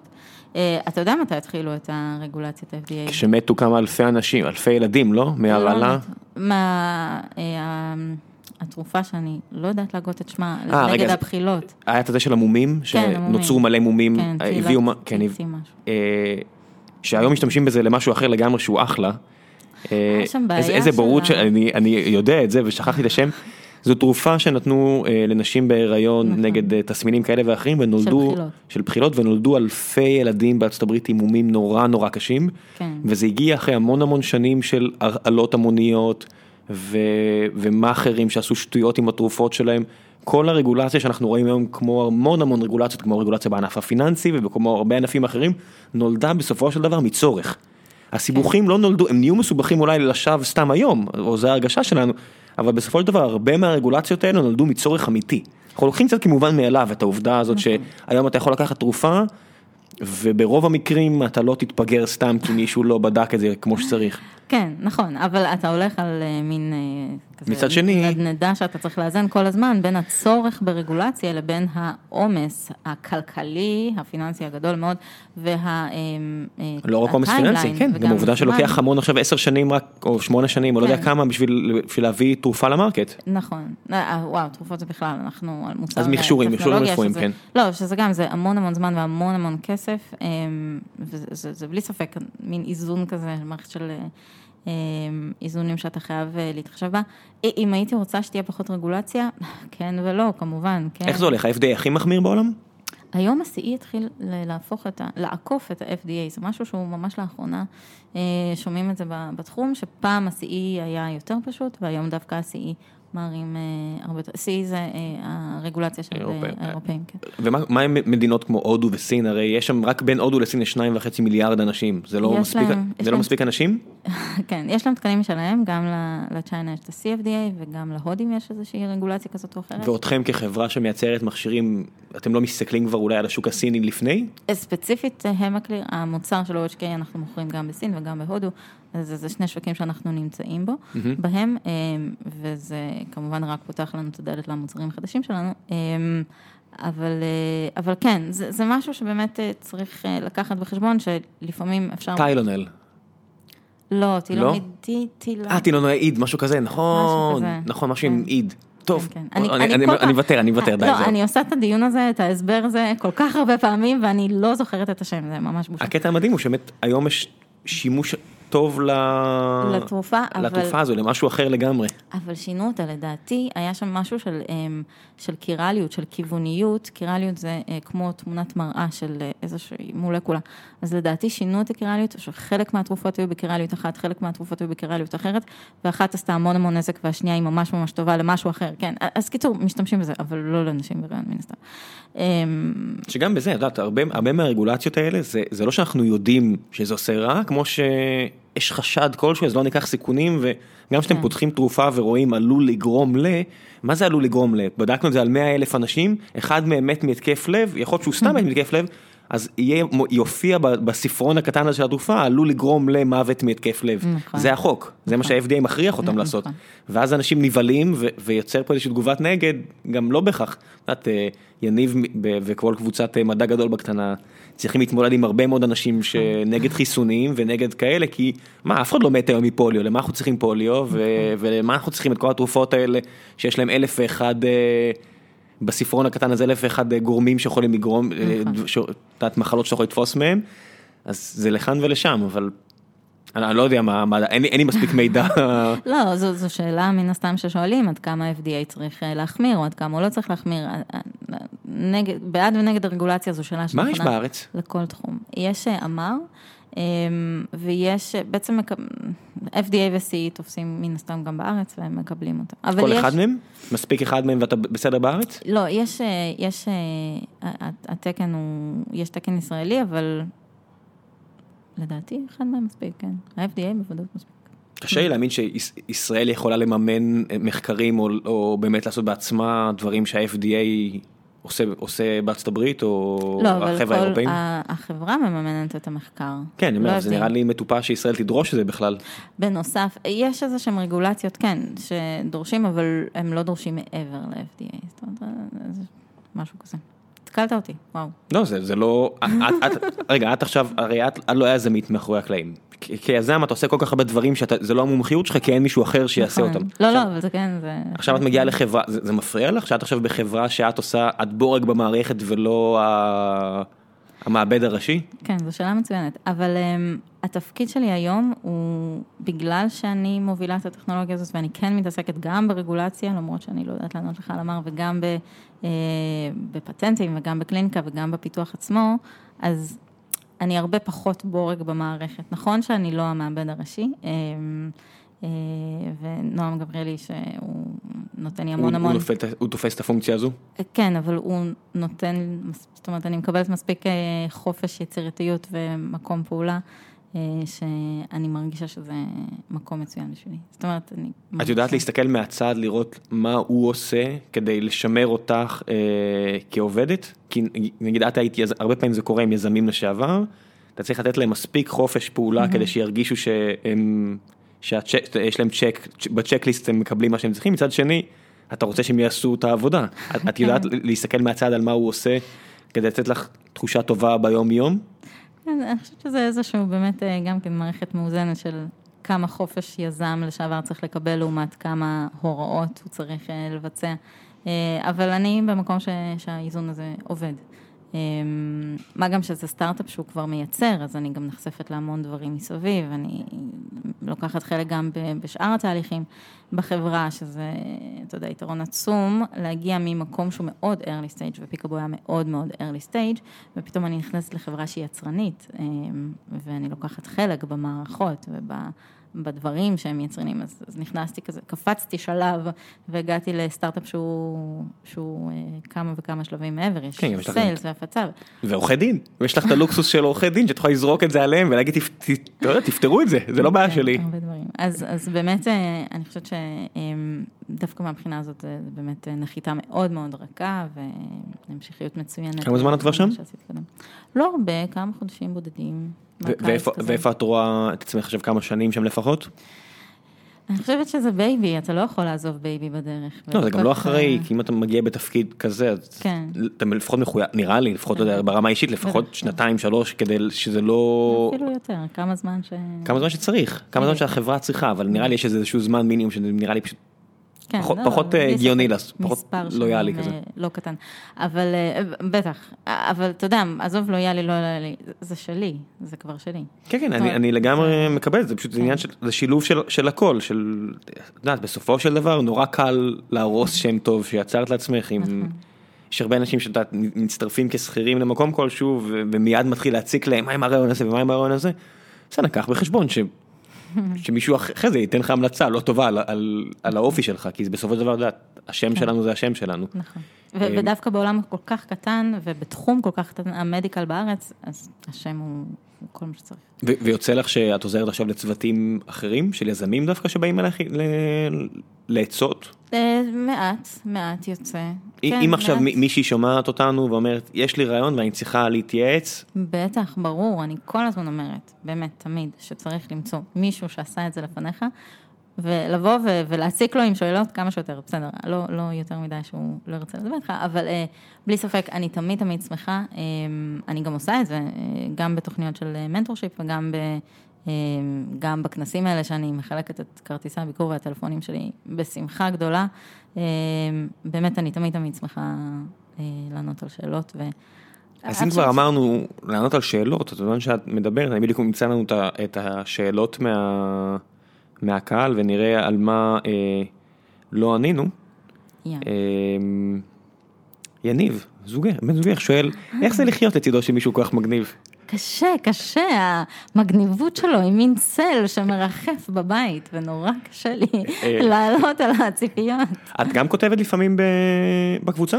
במדע גדול בקטנה? לא, בעוונותיי. למה?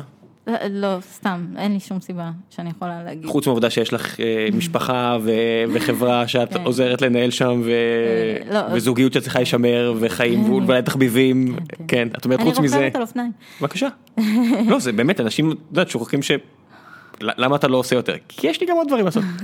אז כן, אז אה, זאת הסיבה. לא, אני לא כותבת במדע. אבל את שותפה לתשוקה הזו של להפיץ ידע על... בטח. ברור. איך, כאילו את מוצאת עצמך עושים שיחות על זה בבית של דברים שאת נחשפת אליהם על בורות וכאלה ואת משתגעת? כן, ברור, אני, צוחקים עלינו שאנחנו מדברים בארוחת ערב על אה, פוטונים שאם הם לא היו מרגישים אה, גרביטציה אז הייתה לנו כמות אנרגיה אינסופית. יניב, אני מקווה שאמרתי את זה נכון. אה, אז זה שיחות כזה של ארוחת ערב או... כן, קראתי, קראתי את הפוסטים, אני, אני חושב שאני מבין על מה את מדבר. סבבה.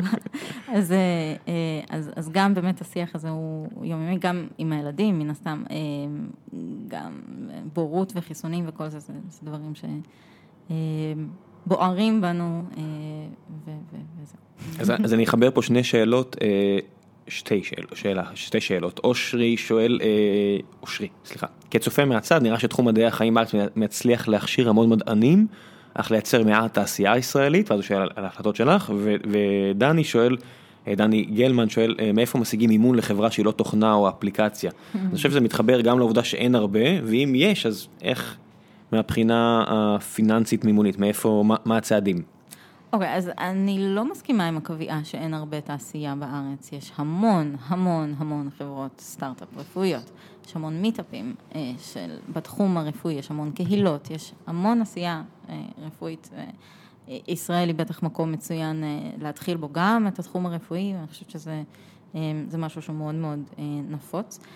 ומימון טוב, כמו שיש אנג'לים וקרנות הון סיכון ומענקים לאפליקציות. דווקא היום באפליקציה הרבה יותר קשה לקבל מימון. חד משמעית. לא? אני חושב ש... מי מממן אפליקציות היום? מי משתמש? מי משתמש? בוא, ברגע שהצורך נהנה, ברגע שאנשים פחות ששים להתקין אפליקציות חדשות, כמו שהם בבירור כבר לא עושים, כן. מן הסתם בור הכסף התייבש מהבחינה הזו, זה לא 2012. כן, וואו, 2012 לא היה כזה מזמן. לא, זה לא היה כזה מזמן והיה עולם אחר לגמרי. נכון. עכשיו זה טיפה, יש איזושהי אפליקציה בארצות הברית, אה, HQ טריוויה, שעושה מספיק רעש, ויש עכשיו אה, כמה יזמים שצועדים לכיוון הזה, אבל זה לא דווקא מדעי החיים עכשיו. כן. הנקודה היא פשוט משקיעים צריכים לעשות עבודה יותר טובה בלשווק את עצמם. אם, אם, אם אנשים שואלים את זה, אז מי שפישל פה זה, זה קרנות ומשקיעים ואנג'לים שלא הפיצו את הידיעה מספיק החוצה, לא, שהם, שהם מתעניינים בתחום. בתחום, זאת אומרת, אם אתה בא מהמערכת אתה יודע למי לפנות, אתה מכיר לא את הקרנות ואתה מכיר... אני בטוח שיש הרבה אנשים שהם במעבדות ולא יודעים. אה, כן, טוב, בשביל זה יש קהילות שאפשר לשאול. אז מי, זה, מה הקהילות הטובות? זה מאוד מאוד ספק, מאוד, אה, מאוד חשוב להתחבר לקהילות. אה, מה, קהילות רפואיות? יש מלא, יש בחיפה. קבוצות פייסבוק. קבוצות פייסבוק, ובאמת ללכת למיטאפים כאלה ואחרים, ברגע שאתה מוצא בן אדם אחד, הוא מקשר אותך לשלושה, ואז השלושה מקשרים לעוד שלושה, וזה גודל, גדל אקספוננציאלית, ואני חושבת שזה קשה להשיג את הידע על אה, מי האנג'לים שאפשר ללכת אליהם. זה משהו שהוא יחסית, לדעתי, קל, אה, קל לפחות בצעד שניים הראשונים אה, לקבל, אמ, ואם אתה לא יודע, אז תמצא מישהו לשאול, וזה לא בעיה למצוא דרך חבר, דרך חבר שהקים פעם סטארט, אתה יודע, בארץ כולם יזמים, וכל מי שהקים סטארט-אפ אחד הוא כבר יזם סדרתי. אז אה, נכון? זה, זה כן. ההגדרה בגדול. קשקשנים יש הרבה. אה, נכון. אז... אה, אם יש משהו אחד שלא לא חסר פה בארץ, זה קשקשנים. יזמים סדרתיים. כן. יעלי ברגר שואלת, מה את חושבת על משרד הבריאות בפן החדשנות? האם הוא משקיע מספיק במחקרים? האם הוא תומך ביוזמות מספיק ולא במכשור קיים? אני חושבת שהשאלה היא על משרד החדשנות, על משרד המדע. אה, נכון, יש את המדען, שזה רשות החדשנות. כן, אולי אפילו אה, אהרון אהרון יגיע לפה אה, בקרוב, אז אולי נשאל אותו גם את זה, אם כן, זה בדיוק עכשיו במגעים, אז אם הוא יגיע אז אני אשאל אותו את זה, אבל כן. מה הזווית שלך? לא, אני חושבת שיש מלא, למדען הראשי יש המון תוכניות שתומכות בסטארט-אפים, בכל שלב, כן? יש כאלה שתנופה, שנותנים ממש בהתחלה, וחממות טכנולוגיות ותוכניות המשך, ויש המון המון. ברור שאפשר עוד, כאילו, אני בטוחה שאם ייתנו עוד מלא מלא כסף, אז הם ימצאו מה לעשות איתו. אבל אני חושבת שדווקא בארץ יש אה, מערכת תמיכה שהיא משמעותית. אה, גם מבחינת האנשים, שבסופו של דבר, כמו שאני אומרת, שתשאלו אותי שאלות, כל יזם, לא כל יזם, אבל הרבה מאוד יזמים אה, ישמחו לעזור ולתת מזמנם ומהידע שלהם וממרצם ליזמים מתחילים, וגם מבחינה ממשלתית. את יודעת איך זה ביחס לחו"ל?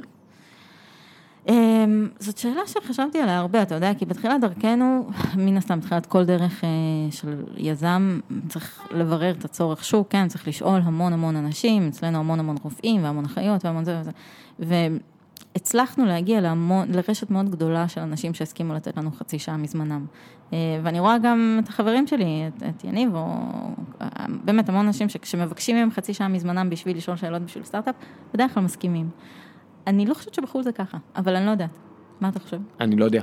אני, אני יודע שבארץ זה ככה, כן. יש לנו, אני לא סירבתי אף פעם לכל מי שרצה אה, לשאול שאלה, ואני יודע שכשאני ביקשתי לשאול, יש לי אפילו עוד שעתיים פגישה עם מישהו, שהוא די בכיר פה באחת החברות הגדולות פה בשכונה שלנו פה, ליד איפה שאנחנו יושבים, והוא הסכים לשבת איתי על איזה משהו שאני צריך לדעת. אה, כולל אה, מנכ"ל, שבוע שעבר שישבתי עם מנכ"ל של אחת החברות הגדולות, הסניף שלהם בארץ, להתייעץ איתו, אף אחד לא אומר לא. כן, זה, וזה זה לא משהו... רק לי, זה, זה לכל מי ששואל פחות או יותר, אם אתה, כן חשוב שתשיגו אינטרו חם. אם, אם אתם מאזינים לזה ואתם לא, עדיף שתגיעו למישהו שמכיר את המישהו הזה, תבקשו ממנו והוא יעשה אינטרו חם ביניכם, וזה עדיף נכון. מאשר פנייה קרה ישירות, אם אתם מצליחים, נכון, נכון. אבל זה זה נורא, מאוד עוזר. נורא קל למצוא אינטרו חם, כי אתה מכיר כל כך הרבה אנשים מכל כך הרבה תחומים, כי המדינה הזו כל כך קטנה והקהילות כל כך אה, סגורות, שזה זה באמת, זה לא, זה לא קשה. אוקיי, אה, מה את חושבת על לימודי ביו-רפואה בישראל, והאם את ממליצה על תואר ראשון בתחום? Mm, טוב, אבל אני לא אה, דוגמה, כי אני הצלחתי למצוא את מקומי בביו-רפואה. אני חושבת שזה לימודים מאוד אה, מעניינים ומאוד רחבים. אה, יש כאלה שאומרים שהם יותר מדי רחבים ולא מספיק ממוקדים, אבל אני מוצאת בזה את היופי. אה, ו- ובאמת זה תחום שהוא כל כך גדל וכל כך פורח, ואני מאוד אוהבת את התחום ואני מצאתי את מקומי בו, והרבה חברים שלי מצאו את מקומם אה, בו. אה, למרות שההתחלה היא לא, לא קלה, זאת אומרת, אה, זה תחום שהוא יחסית חדש, ועד לפני כמה שנים באמת זה לא היה כל כך קל למצוא מקומות, והעדיפו לקחת מהנדסי חשמל ומהנדסי מכונות על פני מהנדסי ביו-רפואה, ולדעתי התחום משתנה, ולדעתי זה משתנה אקספוננציאלית, כי בוגר ביו-רפואה ישמח לראיין מהנדסי ביו-רפואה ולא מהנדסי חשמל, וכמה, כל- עם הזמן שעובר, מן הסתם יש יותר ויותר בוגרי ביו-רפואה שמראיינים, שבעמדות גיוס. אמ, זה מה גם חשוב רק לעבודה הראשונה, הרי בסופו של דבר אנשים חושבים שמתייעצים איתי, מאזינים ואומרים לי האם כדאי ללמוד את זה או האם כדאי ללמוד את זה. מה זה משנה? אני אומר, תמצא משהו שכיף לך ללמוד נכון. ותקווה שתיפול על חבר'ה שיהיה לך כיף להעביר איתם ארבע או שלוש שנים, וקח בחשבון שזה לא כזה משנה. נכון, למרות שהעבודה הראשונה היא לא... כן, לא לראשון, לראשונה, בסדר, אבל אוקיי. ב grand scheme of things, לאורך החיים שלך זה- או שלך, זה לא... נכון, אלא כן, באמת אתה ממשיך לדוקטורט, אני יודע, וגם קורסים ביולוגיים, אם אתה רוצה להשלים. כן, לא, זה, זה נכון, אבל um, אני מאוד, uh, באמת, אני מאוד אוהבת את המקצוע, אני חושבת שזה תחום מרתק, ואני חושבת שבארץ יודעים לקחת אותו ולפתח אותו, ו... וזהו. מעולה. אה, שאלה אחרונה שהיא אה, הכי אה, הצפויה, חיליק שואל, אה, שני דוקטורים בבית שמטיילים, אני עושה פה עם גרשיים, הוא עושה, הרבה במסגרת העבודה, איך מאזנים בין משפחה, בית ועבודה? טוב, אבל זו שאלה במסגרת ש... השאלה שלא שואלים אה, גברים. כן, זו שאלה שהיא נכונה באמת לנשים, וגם לגברים. היא נכונה לכולם. וכדאי- אבל- וכדאי אבל שאת יודעת, נשים שמות עליה יותר דגש. לצערנו. כן. לא, השאלה היא, אה, התשובה היא לחלוטין תמיכה, תמיכה, תמיכה. כל מה שאפשר להשיג בכסף, משיגים בכסף, כן, אם זה עזרה בניקיון או בישולים או כל דבר כזה, אה, ברור, מה שאפשר אז אה, לנצל את זה כמה שיותר. שמעתי לא מזמן באיזה כנס נשים ש... הרבה יותר חשוב לה, לאימא, להיות עם הילד ולהרכיב איתו פאזל מאשר לבשל לו את הקציצות, אז אני ממש, ממש, מסכימה איתה, זה נורא קל לקנות קציצות בחוץ. אמ, ולנו התברכנו מאוד, ליניב ואני, במערכת משפחתית שהיא מאוד מאוד תומכת, הסבתות מאוד פעילות אצלנו, וזו ברכה. וגם אני אישית התברכתי בבעל מקסים ומגניב וזה, שנורא קשה לחיות לצד המגניבות שלו. לא, אבל באמת, אמ, בן הזוג חייב לתמוך בהרפתקאות האלה. אמ, אין, אין שום ספק. זה לא יכול להצליח בלי לא, זה. לא. ל- ל- מי שלא, לא. שאתם שומעים על גירושים בסיטואציה הזו, זה בגלל שאולי לא היה תיאום ציפיות. תואם ולא היה תמיכה הדדית. שיחה פתוחה על הנושא הזה. נכון, והתברכתי, בלי ספק. יניב, כשתשמע את זה, התברכתי בבן זוג שהוא תומך, אה, גם מבחינה מעשית. י- יפה מאוד. ועכשיו אה, לשלב ההמלצות, אה, קידומים אישיים, כל מה שבא לך אה, להמליץ עליו, לקדם, הב- הבמה שלך. באמת? מה? כן, מה שבא לך. לא. סדרות שראית, סרטים, אה, אתרי, אה, קבוצות פייסבוק שאת חושבת אה, שיעזור לאנשים, כן, מה שבא בסדר, לך. אוקיי. אז יש המון אה, קהילות אה, של נשים אה, יזמיות, שהן, אה, בטוח שאני שוכחת חלק מהן, אבל אה, הן מאוד פתוחות והן מאוד אה, מכילות וזה חשוב. אה, יש את יזמיות ויש את הסטארט-אפיסטיות ויש את WeAct ו... אה, והכל קבוצות פייסבוק, וברגע שמגיעים לשם אז נורא קל למצוא עוד קהילות כאלו או אחרות. אה, תתחברו אלינו, למרות שאני לא חלק מהאדמיניות, אבל אני חלק בקהילה ואני חושבת שזה מאוד חשוב. אה, מה עוד? לא. סרט, סדרה, מה שבא סרטים לך. שראינו, אתמול התחלנו לראות את העונה השנייה של דירק ג'נטלי בנטפליקס. וואי, יש לנו נטפליקס? זה מה זה שווה? נכון, יש לך גם? כן, זה מוצר אה, מנצח. זה- אבל הם, הם, אה, אה, הם צריכים להשתפר עם העברית שלהם, לילדים, לא למבוגרים. נכון. לא כל הסדרות אה, תומכות בעברית, ולא כל הטלוויזיות מסתבר תומכות בעברית. כאילו יש דברים שאפשר לראות בעברית במחשב, אבל אי אפשר לראות ב- בעברית בטלוויזיה, כי טלוויזיה מתחת לשנת ייצור 2017 לא תומכת בכל הסדרות בעברית. לא, לא הבנתי איך, זה, איך, איך בכלל הדבר הזה אפשרי, אבל השירות לקוחות שלהם אומר את זה. אה, אבל חוץ מזה, עזבי, זה כמו שאנחנו, חלק מהתכנים הם, הם לא בנטפליקס הישראלי, רק בנטפליקס בריטניה, רק בנטפליקס ארצות הברית, אה, ו- אז אני מעביר את זה דרך VPN, ולמרות שיש לי קצת רקע אני, לא- אני לא מתבייש להגיד שלפעמים זה לא עובד, ואני אומר, רגע, ניתק את ה-HDMI, והיא אומרת, מה הקשר? אני אומר, סמכי עליי. כן. לא, זה, שהם זה מן הסתם שטויות, אבל אה, חוץ מ... כי, כי אין לנו, פעם היית יכול להרביץ בצד של הטלוויזיה. אה, זה כמו היום שעם FPJ, אם היה לנו קטע כזה באחד ממקומות עבודה, ניתקת את החשמל כבר, החזרת?